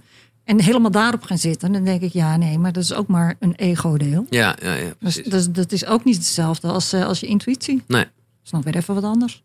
Ik wil graag, ik heb jou gevraagd om eh, drie eh, boeken uit te zoeken. En, en, en ik kan me zeker voorstellen dat jij als, als, als hoe noem je dat, dokter Anders, of wat ben je? Ja, eh, dokter Anders. Ja, nou ja, precies. Nou ja, heel veel boeken heb opzetten, gelezen. Moest ik erop Oh, het van andere mensen. Ja, precies. Nee, maar, Maar goed, het klopt wel. Het klinkt ook wel Ja, alsof je er verstand van hebt. Dus jij zal ongetwijfeld Dat heel is veel... nou precies de bedoeling. Nee, ja, tuurlijk. Maar, eh, dus je zal heel veel boeken gelezen hebben, dat wil ik eigenlijk zeggen. Maar wat zijn voor jou drie boeken die, eh, nou ja, invloedrijk zijn geweest? Of je in ieder geval hier eventjes Ja. onder het voetlicht wil Nou, brengen? dat, dat vond ik een hele lastige vraag. Want inderdaad, beperken tot drie. Ja, Dat was Ja. even een dingetje. Eh, dus er zitten alsnog vijf boeken in mijn je hebt ze, tas. oh, je hebt ze meegenomen. Oké, dan- nee, ik heb ja, drie boeken meegenomen. Nee, oké, top. Van ik denk, ik eh, pak drie redelijk praktische boeken. Ja, heel goed. Oh ja, je hebt ook nog een soort. eh, Kan me straks nog bij de, de kubus, hè, of niet? Of hadden we die al lang moeten doen? Nee, die ga ik eerst even pakken. Oké. Ja, ik had bewust even mijn blokkendoos mee. Een blokkendoos is het, ja. Dit is mijn blokkendoos. Eh, gaan mensen het zien? Ja. Nou ja, als ze luisteren niet, maar ik Als ga het, luisteren niet, eh, maar ik, ik ga het omschrijven. Ehm, Het zijn eh, gewoon blokken met eh, op elke kant een. eh, tenminste, ik denk dat op elke kant iets staat, of niet? dit is de intuïtie. Dit is de intuïtie. Oh, dit is wel gelijk helemaal intuïtie. Ja, dat is toevallig die. Oké. Toevallig. Dit is moeder, vader. Ik, werknemer staat hier op alle kanten. En hier staat genieter. Ja, dus het is gewoon een blokje en met drie kleuren. Ja. Groen, oranje Oh, en rood. Ja, ja, ja, oké. En, en in het begin van het boek gaat het ook over die signalen. Hè, die, en daar gebruik ik een stoplichtmodel bij. Dat eh, is het groen, dan heb je daar geen stress bij. Bij, groen, bij oranje enige stress. En bij rood, dan is dat... Maar mag ik even je proefpersoon zijn? Mag ik even op de denkbeeldige divan en dan gaan we dit eh, doen? Of kan het eh niet? Ik ben heel eerlijk, het maakt mij niet uit. Ja, nee. laat ik gewoon omschrijven wat, waarom ik het meegenomen heb. Ehm, want ik gebruik ze er wel om eh, met cliënten eh, hun eigen klasje op te zetten. Ja, Maar als je naar de website gaat, www.ontdekjegebruiksaanwijzing, dan Ja. kan je doorlinken en dan kom je bij eh, een eh, websitepagina terecht. En dan kan je je eigen klasje gewoon gaan maken. Ja. Dus dat, eh, daarom heb ik hem even meegenomen om te laten zien hoe dat in elkaar en dan, oh, nu snap ik het ook. hè. En dan, en dan, maar moet ik dan denken aan een, aan een specifiek moment? En dan kijken hoe, of mijn vader op groen staat, mijn intuïtie Nou, rood? sommige Of, mensen die komen bij mij, die hebben niet zo'n zicht op van waar zit nou eigenlijk mijn stress en mijn spanning. En als je dan dubbelklikt op zo'n blokje, hè, dus op die websitepagina, Ja. dan krijg je ook tekst en uitleg over wat doet zo'n deel. ja, En dan kan je je eigen klasje gaan indelen als je eigen opstelling.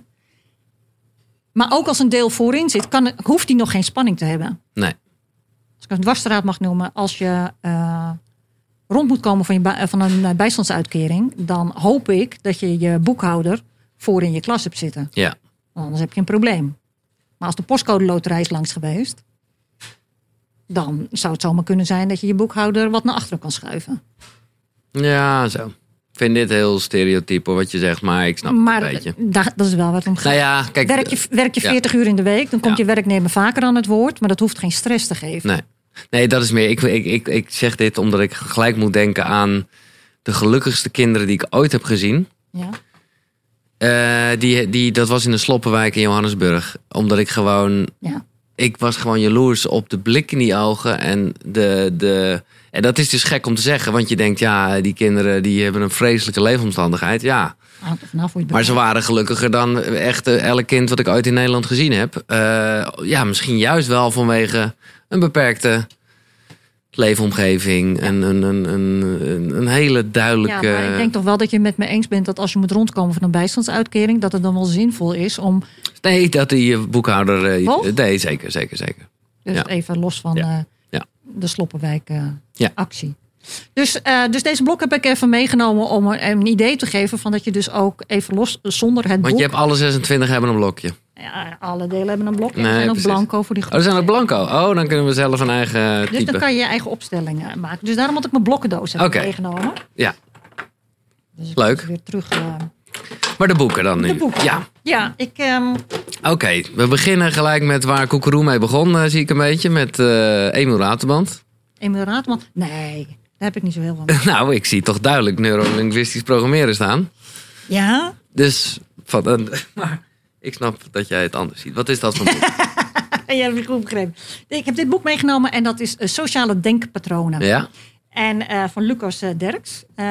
Daar heb ik les bij gehad met eh, van de NLP-opleiding.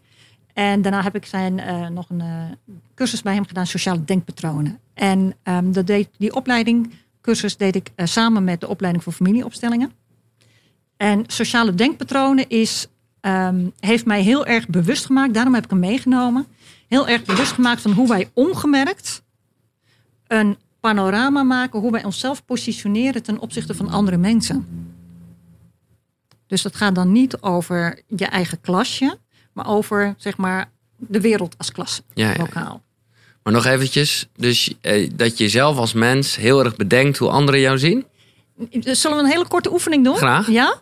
Oké. eh, mensen die in de auto zitten, eh doe hem of niet mee of parkeer even. Dit terzijde. Ja, oké, ik heb gaan- begrepen dat de podcasts worden gelegen. Ja, ja, ja. Juist op dat soort momenten. Nee, dat klopt. Precies, dus die is dan even niet handig. Nee. Spoel dan maar even door. Ja?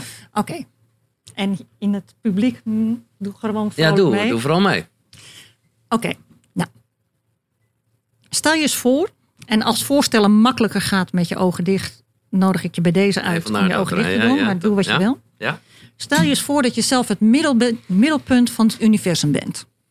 En iedereen op deze aardbol staat ergens ten opzichte van jou. Jij bent het middelpunt.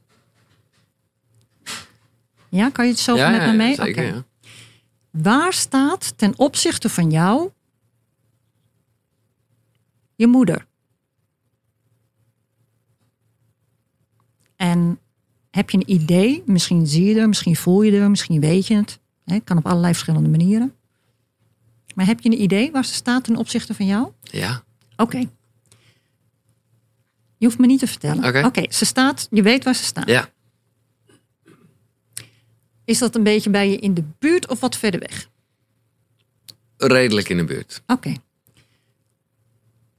Stel je eens voor dat zij 100 meter verderop gaat staan.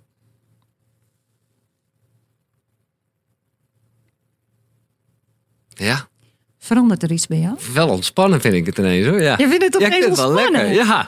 Ik, maar dat is een leuke gewaarwording. ja, ja, ja, Alleen absoluut. door in je hoofd Ja. iemand te verplaatsen, Ja, verandert er voor je gevoel Ja. iets. absoluut. Is dat bijzonder? Ja, dat is heel bijzonder, ja. Oké. Ken je iemand die je niet mag? Eh, ja, even kijken. Die ik echt niet mag. Ja, wie je echt niet mag? Hmm, vind ik lastig. Meen ik serieus. Want ik, de- de- de- Nou, iemand met wie je denkt van nou, ja, laat me zitten. maar wel iemand die echt een beetje in mijn omgeving zit. oh, dat maakt niet uit. Nee, het kan ook gewoon... eh, Maakt me niet uit. nee, oké. Ja, oké. Ja? Ja? Oké. Hetzelfde vraag. Ja. Waar ten opzichte van jou staat die persoon? Oh, in de basis. Ja, ja, Ja? ja. ja. je, je hebt het duidelijk. Ja, En word je even bewust van hoe dat voelt. ja. En dan zet je die persoon rechts naast je neer. Schouder aan schouder. Ja. Fucking irritant. Is toch grappig? Ja, het is wel grappig. Maar ik, ja, oké, ja, ja. Dat is toch grappig? Nee, dat is alleen wel... al door is- iemand te verschuiven. Absoluut. Nee, eh, zeker. Ja, de- eh, eens. Dus doordat wij in ons hoofd iets doen, verandert ons gevoel. Ja. En je wist meteen al, die staat daar en die staat Ja, daar. Dus ja, ergens hebben wij een beeld hoe wij mensen ten opzichte van onszelf positioneren. En dan kan je hele leuke dingen mee doen. In de zin van als je bijvoorbeeld irritatie naar iemand hebt of wat dan ook. Nou, dit boek staat vol met oefeningen wat je kan doen om je innerlijke verhouding naar andere mensen te veranderen. Voor mij is dit de input geweest om tot mijn klasje te Ja, komen. ja, ja, ja. Omdat ik zoiets had, als je dat ongemerkt doet met jezelf naar anderen, ja. dan kan je datzelfde dus omzetten naar wat doe je met die innerlijke delen in jezelf. Dit is gewoon helikopterview 2.0 eigenlijk. Voor mij is dit eh, de, de basis geweest Ja. om mij te inspireren om dat, eh dat basis eh, idee van de En, en eh, waar, waarom... heb je ergens een papiertje hij, gedaan? nou, nou, dat is die basisoefeningen, maar dan iets. Oh, die anders. heb jij maar gewoon dit is een beetje hoe ik hem doe. En, en Lucas Derks is daarnaast ook nog iemand die ongelooflijk veel humor heeft. Dus dat is. Dus dat is ook, leest ja, ook het is- lekker. ja, het is, in- het is in ieder geval een hele leuke man om les van te krijgen. Ja. Zo zeggen. Maar ik bedoel, en daar heb ik het ook met Emiel erg over gehad. Hoor. Ik weet ook wel dat nou ja, NLP verder gaat dan alleen maar chakka. Al is, al is, Ja, behoorlijk. is de goede basis hoor. Ik, ik laat ik niet ineens net. eh, Mhm. eh, nee, ik bedoel, ik. Nou, hij, heeft, hij heeft veel bereikt, Ja. maar hij heeft eh, ook veel kwaad bloed gezet bij mensen, laten we het zo zeggen. Dus in, nou in, in jullie wereld. niet over nee, nee, hebben. Dat, Maar wat is voor jou de basis van NLP? Is toch gewoon wel een beetje. Wat NLP voor mij gedaan heeft, is me heel erg bewust maken van de rol van visualiseren. En eh, ik ben vrij beeldend. In de zin van als iemand mij een verhaal vertelt, ik zie van alles gebeuren. Ja, Ik tune ook in op andere mensen. En soms zie ik iets anders gebeuren als wat iemand mij vertelt. Dan wordt die helemaal interessant. Dan denk ik, hé, hey, ik vang blijkbaar toch iets anders op. Ja, ja, dus ja. dat, eh, dat, dat, maar het zijn hele leuke sessies. ja. Maar ehm, de kracht van visualiseren, dat heb ik echt helder gekregen met, eh, met mijn NLP. Dat ik denk van, hé, hey, dit is nog een heel ander verhaal. Want misschien weet je dan ook bij, ehm, eh, in psychologieland, René Dijkstra, die ken je ook. Ja, zeker. Nou, het is een, vind ik zelf een hele goede eh, psycholoog. Ik, Ja. Tenminste, ik heb hem hoog zitten. En ehm, in het begin heb ik veel geleerd van zijn boek van Ik kan denken en voelen wat ik wil. En die werkt met de vier G's. Hè? Gebeurtenis plus gedachte geeft gevoel en gedrag. Ja. En ik vind die wat te beperkt. Oké. En eh, ja, ja. Nee, top. Zo Er komt een G bij of met met een andere Nee, letter? nou nee, nee, dat niet. Maar ik, eh, ik heb ervan gemaakt, eh, situatie ehm, plus verwerking geeft spanning en gedrag. Ik ga eventjes even Ja, ja, uitleggen. ja. Dus het begint met de gebeurtenis. Hij zegt dan gebeurtenis. Maar het gaat niet alleen om de gebeurtenis. Het gaat ook om waar zit jou op je eigen spanningsboog. En dan die gebeurtenis. Dus die gebeurtenis is breder dan alleen maar wat je ziet gebeuren. Je moet ook je eigen innerlijk level op dat moment om meenemen. Ja. Als ik ehm, eh, zeg maar in het verkeer word gesneden.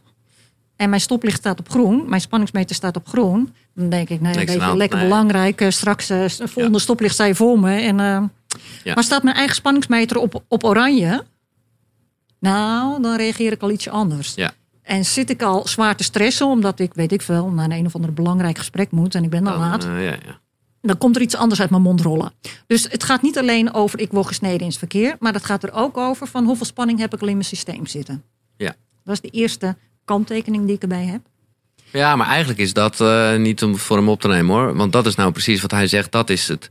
Hè, de gebeurtenis is in alle gevallen hetzelfde. Namelijk je wordt afgesneden. Ja. En het gevoel is een beetje op basis van hoe je er op dat moment in zit. Nee. Ehm, zoals ik hem altijd begrepen Ja. heb, dat is de gebeurtenis. Maar dan is de tweede is, eh, gebeurtenis plus gedachte. Ja? En Oh ja. dan, gaat hij naar, Ah, dat is, eh, dan gaat hij naar wat denk je. En daar gaat hij voor mij ook nog een stapje verder. Want mensen denken niet alleen. Mensen, heel veel mensen maken daar ook beelden bij. Dus daar kom ik straks op. Ik geef straks een voorbeeld van het geheel. ja. Dus dat geheel dat geeft spanning. En ehm, veel spanning geeft weer bepaald gedrag. Maar met je gedrag kan je dus ook weer je spanning reduceren. Even een voorbeeld. Stel je voor, en dat is ook een voorbeeld wat ik in mijn boek uitleg. Ik vind hem zelf nog steeds het leukste. Eh, als ik in mijn bed lig en ehm, ik word wakker, want ik hoor beneden een geluid. Ah ja. Ja, je hebt hem gelezen. Ja, ja, zeker. Ja, nee, maar heel herkenbaar. Ja. Dus, en ik hoor een geluid en mijn spanningsmeter staat op groen. Dan word ik wakker en dan denk ik, oh nou, dat, eh, dat is kattenluik. Dus het waait een beetje buiten, staat klapperen. En eh, dan draai ik me om en ik slaap verder. Maar heb ik s'avonds een thriller gekeken.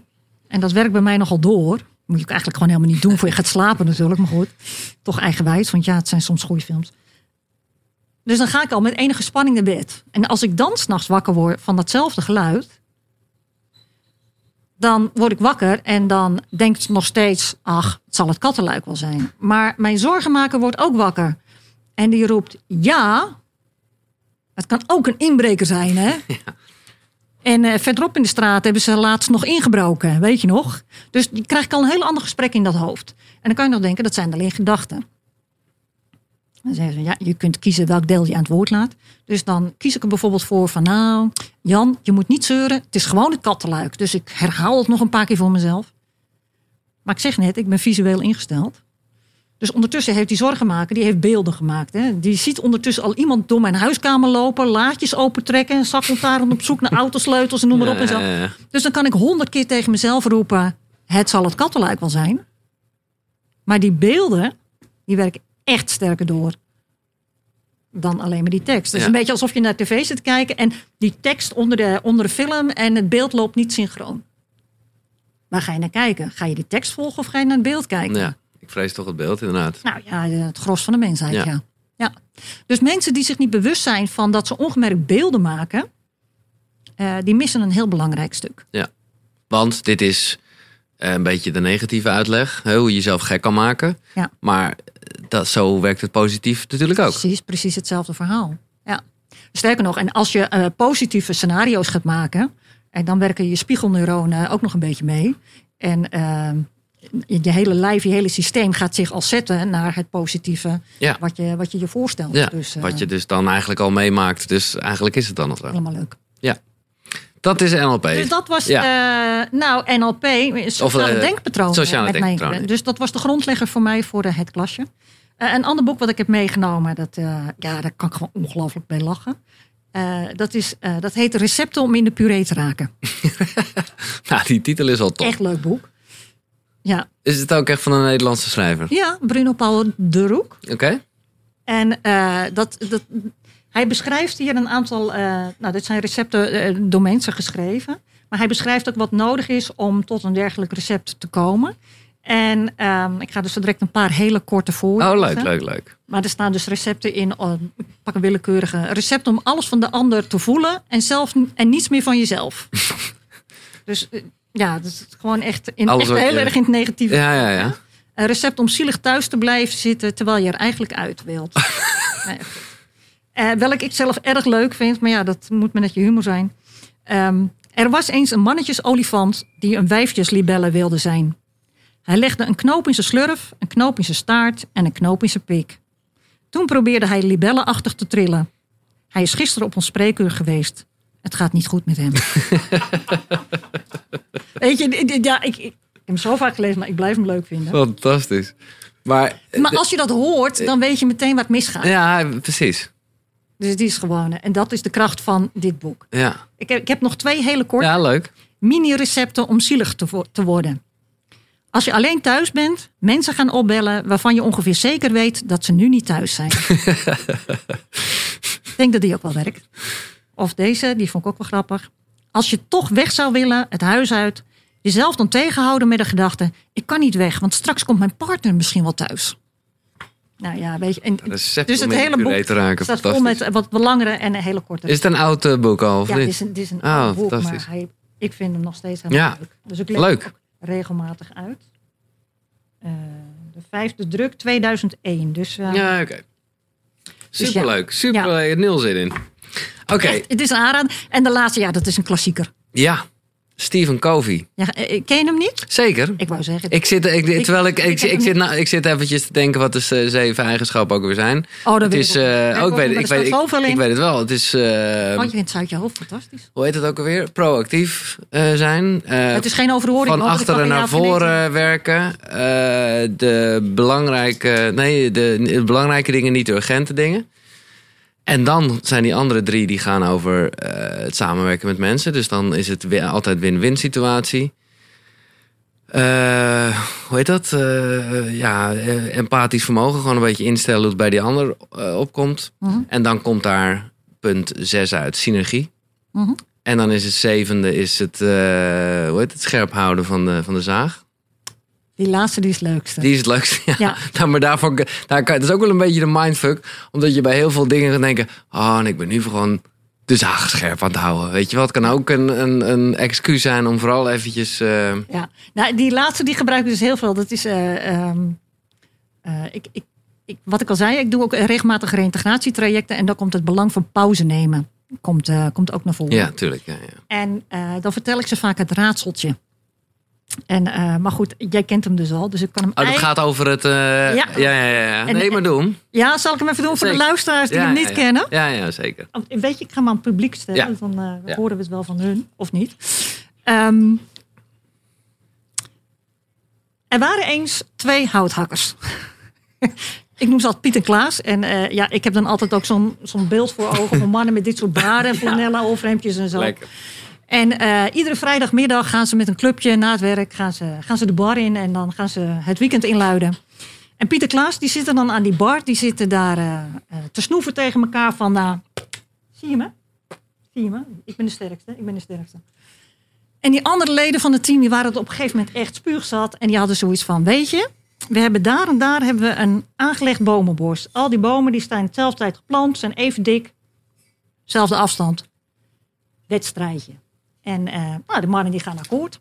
Dus die volgende dag komen die mannen aangelopen. En ehm, een rustzakje bij zich met een thermoskannetje, broodje. En ehm, de mannen krijgen alle twee een nagelnieuwe bijl. En de mannen gaan het bos in. En je weet hoe het gaat in een bos. Hè? Je ziet elkaar niet, maar je hoort elkaar. En die mannen, die Piet en Klaas, die gaan in dezelfde cadans gaan ze hakken. En na twee uur hoort Piet dat Klaas stopt. Oh, Piet, dat gaat lekker, ik ga door. Dus Piet gaat nog even lekker door. En na een kwartiertje begint Klaas ook weer. Twee uur later hoort Piet dat Klaas weer stopt. En toen dacht hij, oh wacht even, ik, ik heb honger. Ik, eh, ik hoor mijn maag rammelen. Ik eh, ga toch ook maar eventjes... eh. Dus die werpt zijn broodje naar binnen. Drankje erachteraan. En die denkt, als ik nu alvast begin, dan leg ik nog verder voor op Klaas. Dus die begint alvast weer. En inderdaad, een kwartiertje later dan begint Klaas ook weer. Dus de mannen gaan weer in dezelfde cadans, hakken ze weer verder. Twee uur later, dat laat zich bijna raden, Klaas stopt weer. En Piet denkt, even doorpakken. Dan hebben we het één keer voor altijd, hebben we het gehad. Goed, kwartiertje later, de mannen zijn weer lekker bezig. En aan het einde van de dag, fluitje gaat. De mannen komen het bos uit. Bomen worden geteld. En uiteraard heeft Piet gewonnen, want anders dan vertel ik dit verhaal niet. ja, toch? Ja, ja, ja. En dan vraag ik altijd aan mijn cliënten. Er zijn twee dingen gebeurd waardoor Klaas heeft gewonnen. Oh, twee dingen? Ja, er zijn twee dingen gebeurd waardoor Klaas heeft gewonnen. Oh. En dan vraag ik ze, nou, vertel eens. En heel vaak weten ze dan nog wel op te lepelen. Ja, Klaas heeft pauze genomen, dus die is uitgeruster. Dat klopt. Dat is één. En twee. En dan krijg ik soms de meest wilde ideeën te horen. Zo van, ja, en ik heb nagedacht hoe je dan die boom het beste kan om, omhakken Ja, ja, ja. en zo. Nee, ja, weet je, dat is een boom omhakken is een boom omhakken. het zijn alle twee houthakkers. Dus, nou ja, goed, de meest fantastische dingen te horen. En in, in die 16 jaar dat ik nu mijn praktijk heb, nog geen handvol hebben het geraden. Ja, misschien degene die eh, Stephen Covey hebben gelezen. Ja, maar die komen blijkbaar niet in mijn praktijk Nee. terecht. Nee, oké. Dus, eh, Weet, weet iemand het? Ja, ik heb het al bijna gezegd. Ja, nou heeft hij het al gezegd. Ja. Ja. ja, dus de clue van het verhaal is dan ietsje weg. Maar Is Ja, dus Klaas heeft het natuurlijk scherp houden van... pauze gebruikt om zijn bijl scherp te maken. Ja. Ja. En waarom vertel ik dat verhaal? Zeg ik dan ook nog even expliciet bij voor de mensen die dan nog niet verder denken. Want dan zeggen ze, ja, maar ik ben toch een houthakker? Oké. Nou ja, weet je, jouw instrument is je brein. En de clue is, mensen, er zijn ook onderzoeken geweest hè, van eh, wanneer zijn mensen, functioneren mensen nou het beste? En er zijn mensen opgedeeld in drie groepen. Eén groep eh, lopende bandmedewerkers, want dan kan je het aan testen van hè, eh, hoeveel fouten worden daar gemaakt. Eén groep van twee uur werken, pauze, twee uur werken, lunchen, twee uur werken, pauze, twee uur werken, naar huis. Eén groep vier uur werken, pauze, vier uur werken, naar huis. En één groep ieder uur tien minuten pauze. En dan blijkt dus dat mensen het efficiëntste zijn als ze twee uur werken en dan een break nemen. Ja, ja, precies. Maar dan zeg ik altijd tegen mensen, ja, maar dat is wel voor gezonde mensen. Dus als je aan het reintegreren bent, moet je dus nog vaker pauze Ja, nemen. ja, zo ja. Dus je moet het echt met beleid opbouwen. En daar vergissen mensen zich. Nou ja, en, en ik en zeker eh, als ze dan drie uur gaan werken. Ja. Dan zeg ik, ja, maar ik ga al bijna naar huis. Ja, nou ja, niet lekker bezig dus. Nee, voor mij altijd een pijnlijk punt in mijn hele leven eigenlijk al, moet ik zeggen, is slaap. Dat is natuurlijk net zozeer het... eh, Te veel of te weinig? Te veel te weinig. Ja. En ik, heb, ik, ik, ik ben daar jarenlang bijna een soort van trots op geweest. Omdat ik gewoon dacht, ja, het leven is gewoon zo mooi. Slaap is zonde van de tijd. Je wilt te veel. Ja. Maar zo langzamerhand eh, eh, ja, vind ik het gewoon vreselijk. Je wordt ook ouder, Giel. Nou, nee, ja. Maar dat, dat merk ik in dat opzicht nog helemaal niet zo heel erg. Maar ik- je lijf. nou ja, nou ja, maar dat wel. Maar ik, ik, ik- het is vooral de kennis. Dat ik gewoon weet. Ook omdat ik gewoon eventjes een tijd geen ochtendshow heb gemaakt. Waardoor ik ineens voelde van, oh ja, zo kan je ook gewoon voelen. Hmm. Ehm, maar ja. Ja. Maar wat? Nee, nee, niks. Maar je moet het gewoon doen. Je moet gewoon, je moet, je moet, eh, weet je, er zijn heel veel mensen die denken dat ze beter zijn dan slaap. Terwijl, eh, Heb je al een goede slaapoefening gevonden? Ja, ik kan, ik bedoel, ik heb geen probleem. Als ik, eh, als ik kan slapen, dan zal ik slapen. Het is niet dat ik eh, moeite heb met in slaap komen. Totaal niet zelfs. Maar het is alleen maar dat je gewoon veel te veel dingen leuk vindt overdag om te gaan doen. Ja, dat ik gewoon de tijd niet Dus wat ik net zei, de grensbewaker, er zit nog een andere kant. Dat zijn mensen die te veel ja zeggen. Die, is- Ja. ja, dat is een andere manier van grens. Nee, maar dat was precies ook waarom ik eh, met die vergelijking kwam. Van, eh, met, van je, je moet ook dingen. Ja, ik ben wel heel blij. Ik bedoel, ik ben blij dat ik hier nu zit. Ja, ik ook. En nee, maar heel, eh, als, ik, als ik echt goed mijn grens had bewaakt, had ik het niet gedaan. Want ja, eh, morgenochtend gaat mijn wekker om half vier, omdat ik een radioprogramma moet Ja. maken. Maar ja, ik ben blij dat ik dit nu doe, want ik vind dit belangrijker. Ja. Leuker. Of, Ja. Hoe zeg je dat? Ja, dus dan is het goed om naar je systeem te blijven luisteren. Van hoeveel rust heb ik werkelijk nodig? Ja, En wil mijn hoofd misschien meer als dat mijn lijf aangeeft? nou, dat dus zeker. Dat is dus even een dingetje. Ja. Dus je hebt ook nog in dat klasje een gezondheidsbewaker zitten. En eh, sommige mensen laten die wat te veel aan het woord. Die zijn wat hypochondrisch aangelegd. Ja, ja, ja. Dat is niet handig. Nee. Er zijn ook mensen die laten hun gezondheidsbewaker wat te weinig aan het woord. En eh, ik ben zelf opgevoed met eh, de slogan... lopende voort gaan de meeste klachten over... en in bed gaan de meeste mensen dood. Dat is ook wel eventjes. ja, dus ik bedoel, dat is ook even een, een, ehm, een manier om door het leven te gaan. Ja. Die is dus ook niet altijd handig. Nee.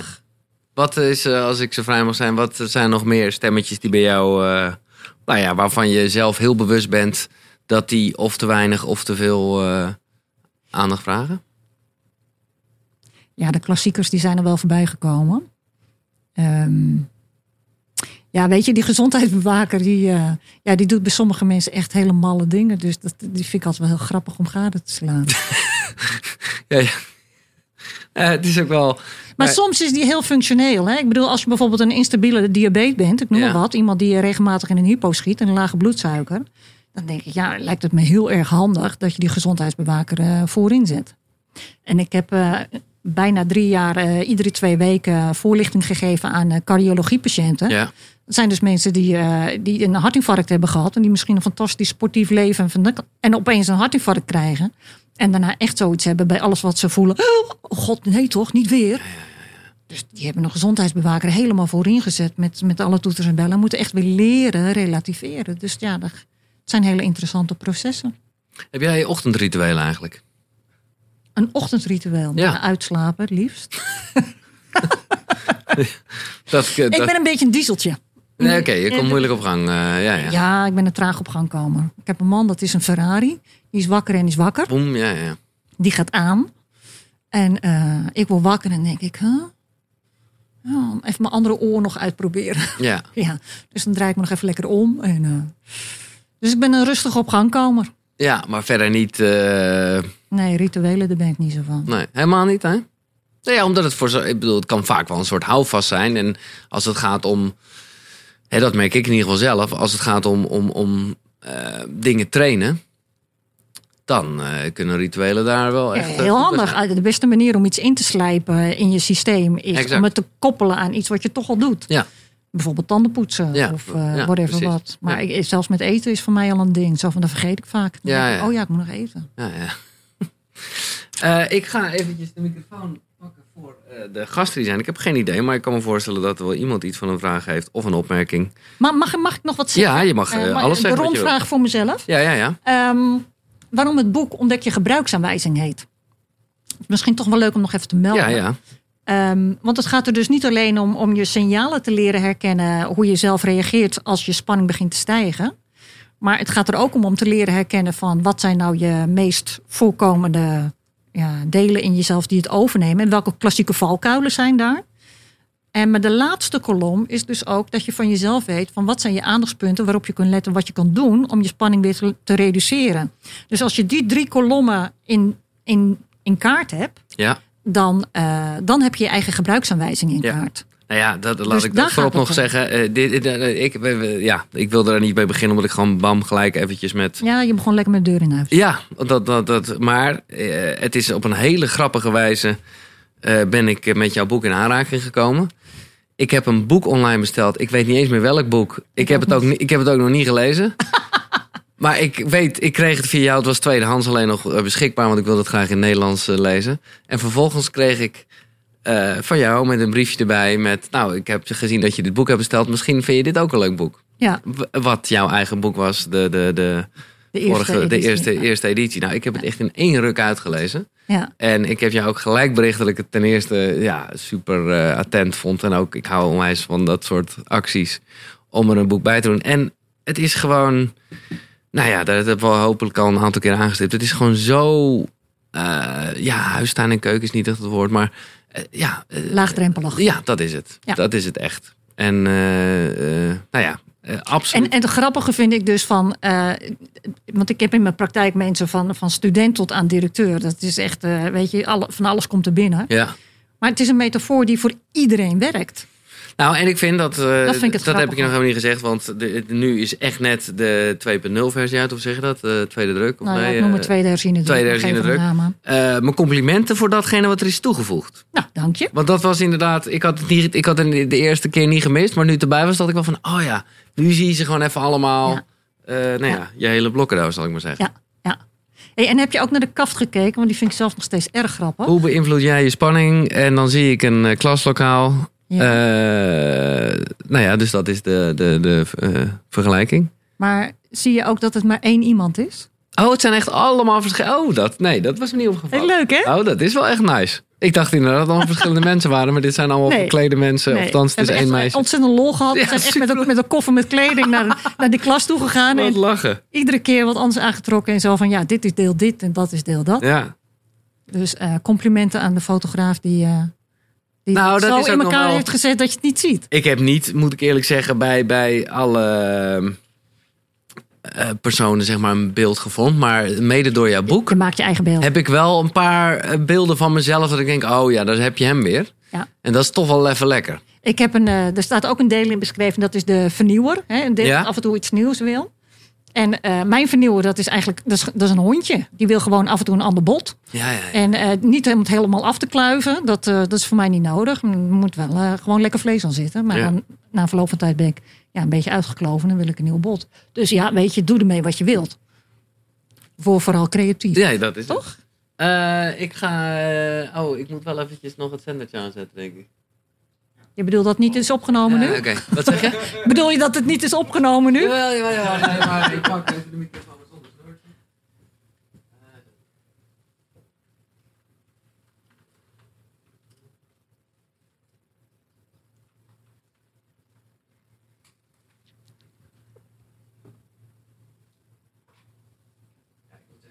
Je zit hier wel erg in de spotlight hoor. Ja, hè?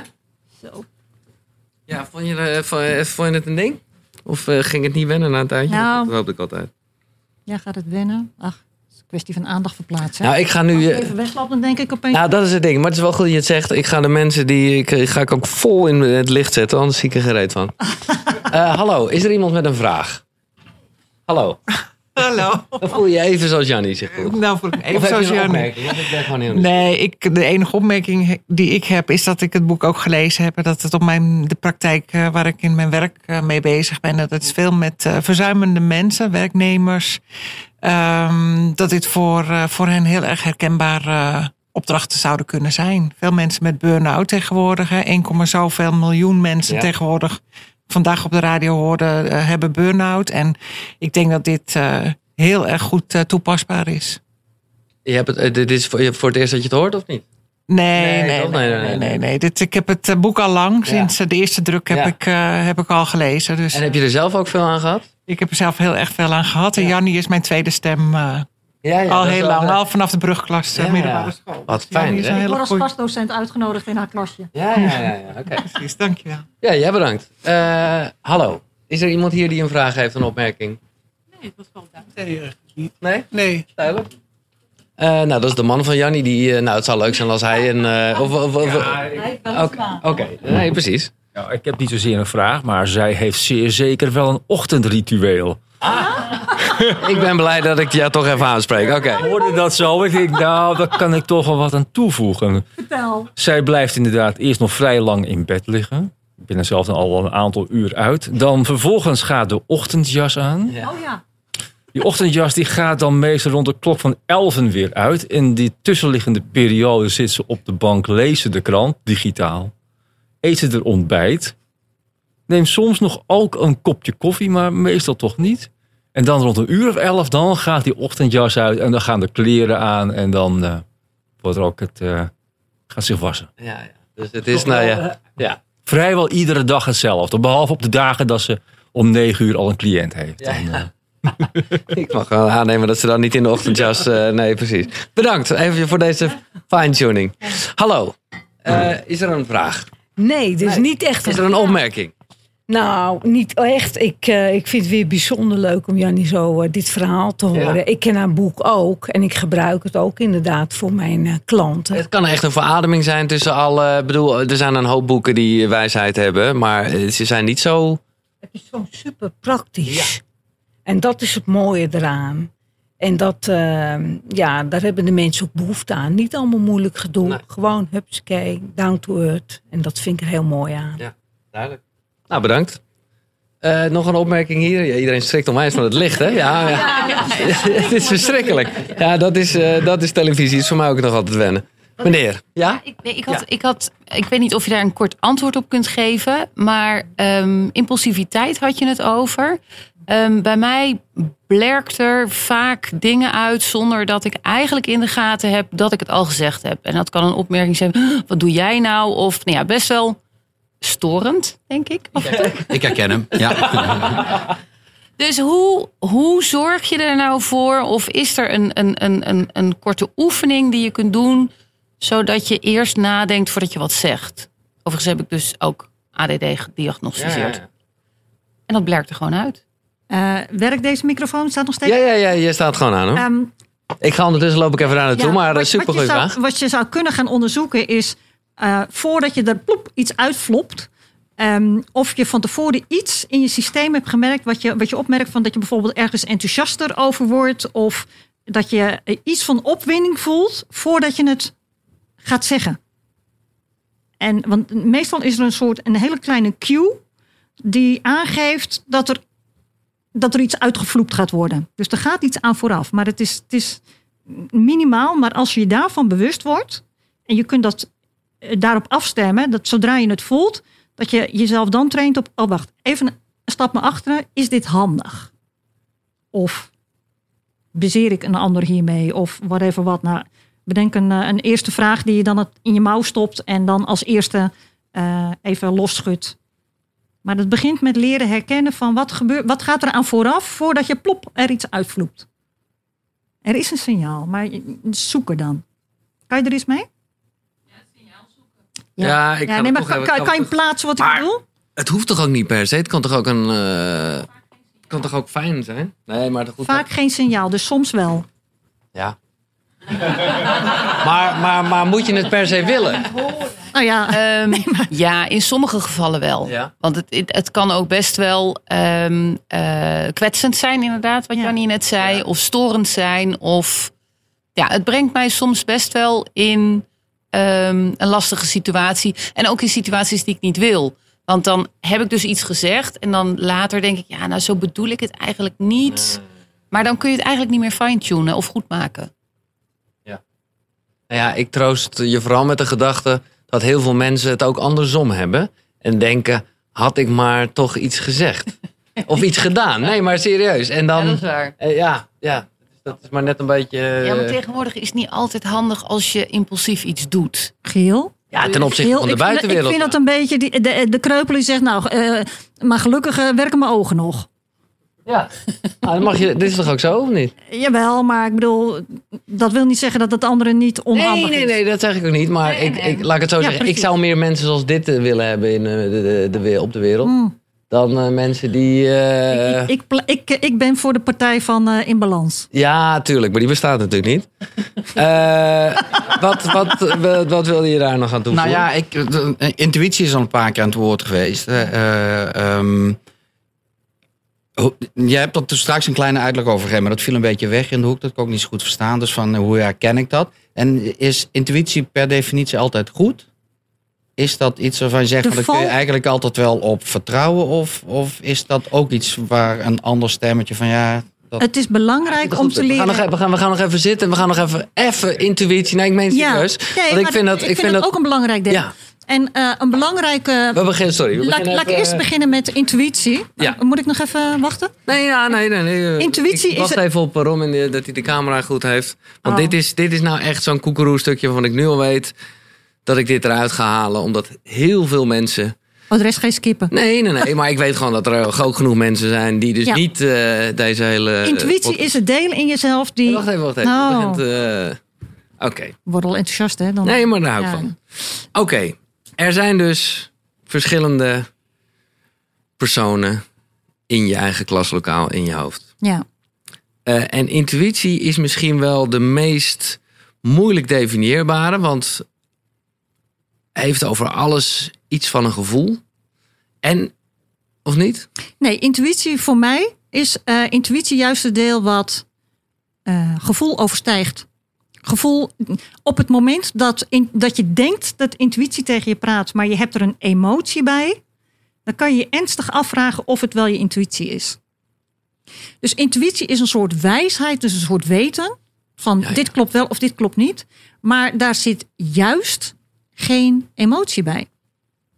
En op het moment dat je er een emotie bij hebt, is het interessant om te kijken van is het niet je zorgen maken die aan het woord is? Als je in- intuïtie Ik vind het lastig hoor. Ik vind Ja. het lastig, want intuïtie is toch per definitie een gevoel?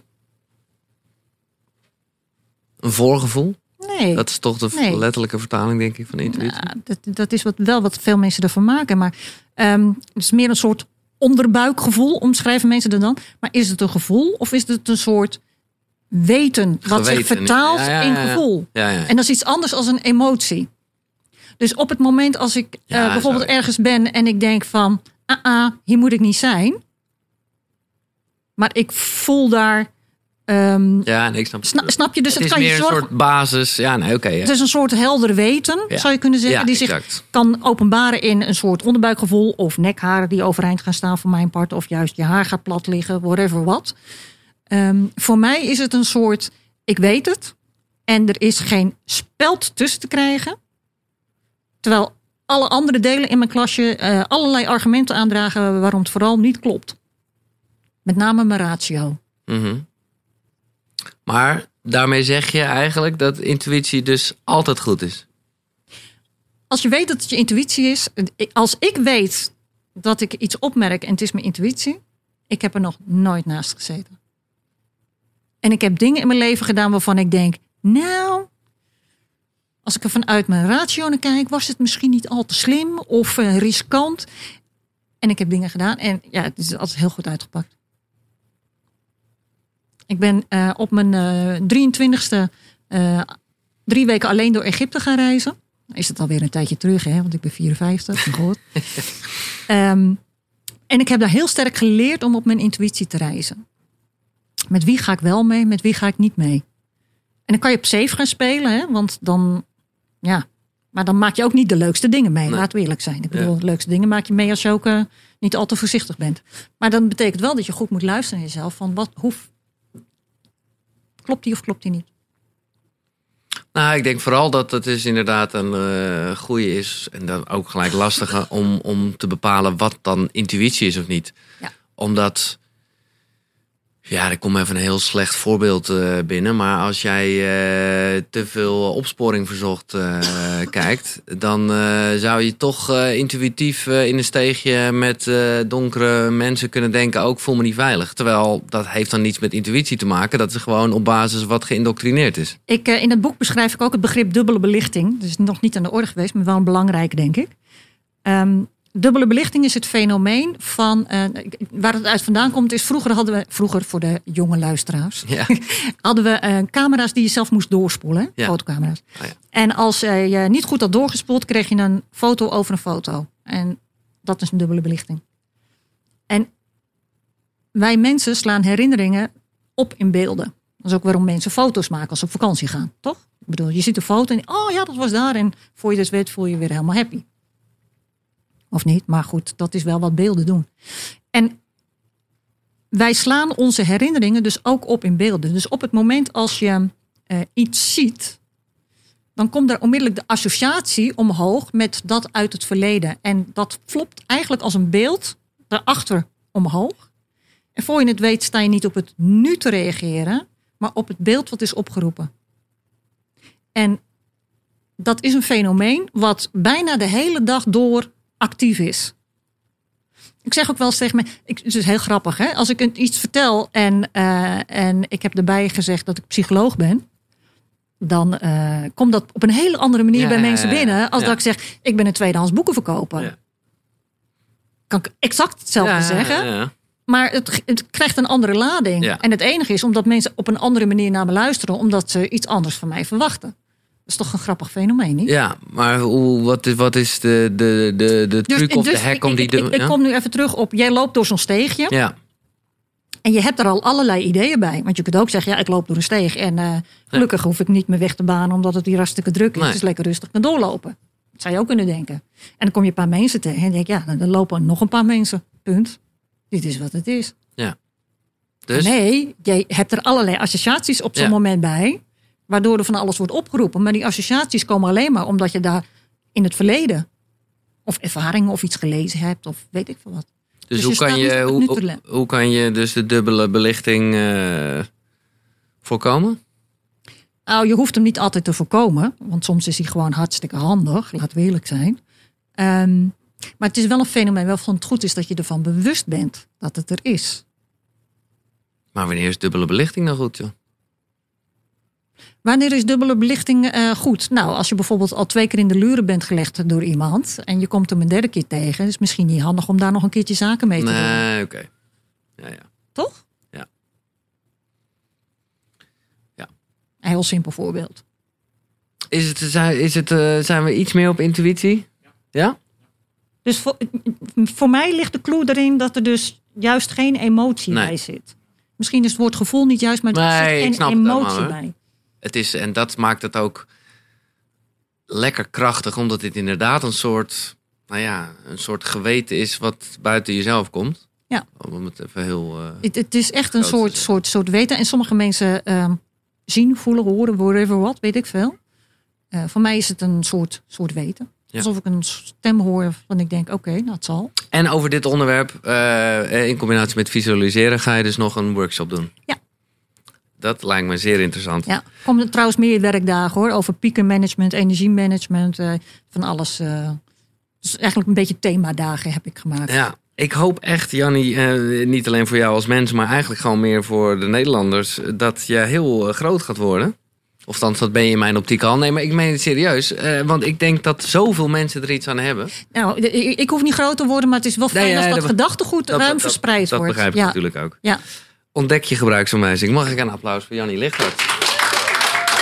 Dit was Koekeroe. Eh, je kan hier dus ook een keer aanwezig zijn. Hier in eh, eh, de Ademtoren bij de, Members Club. Als je erbij wil zijn, nou ja, ga naar koekeroe.nl. En dan zie je het wel. Ontzettend bedankt, Jannie. Heel graag gedaan. Top.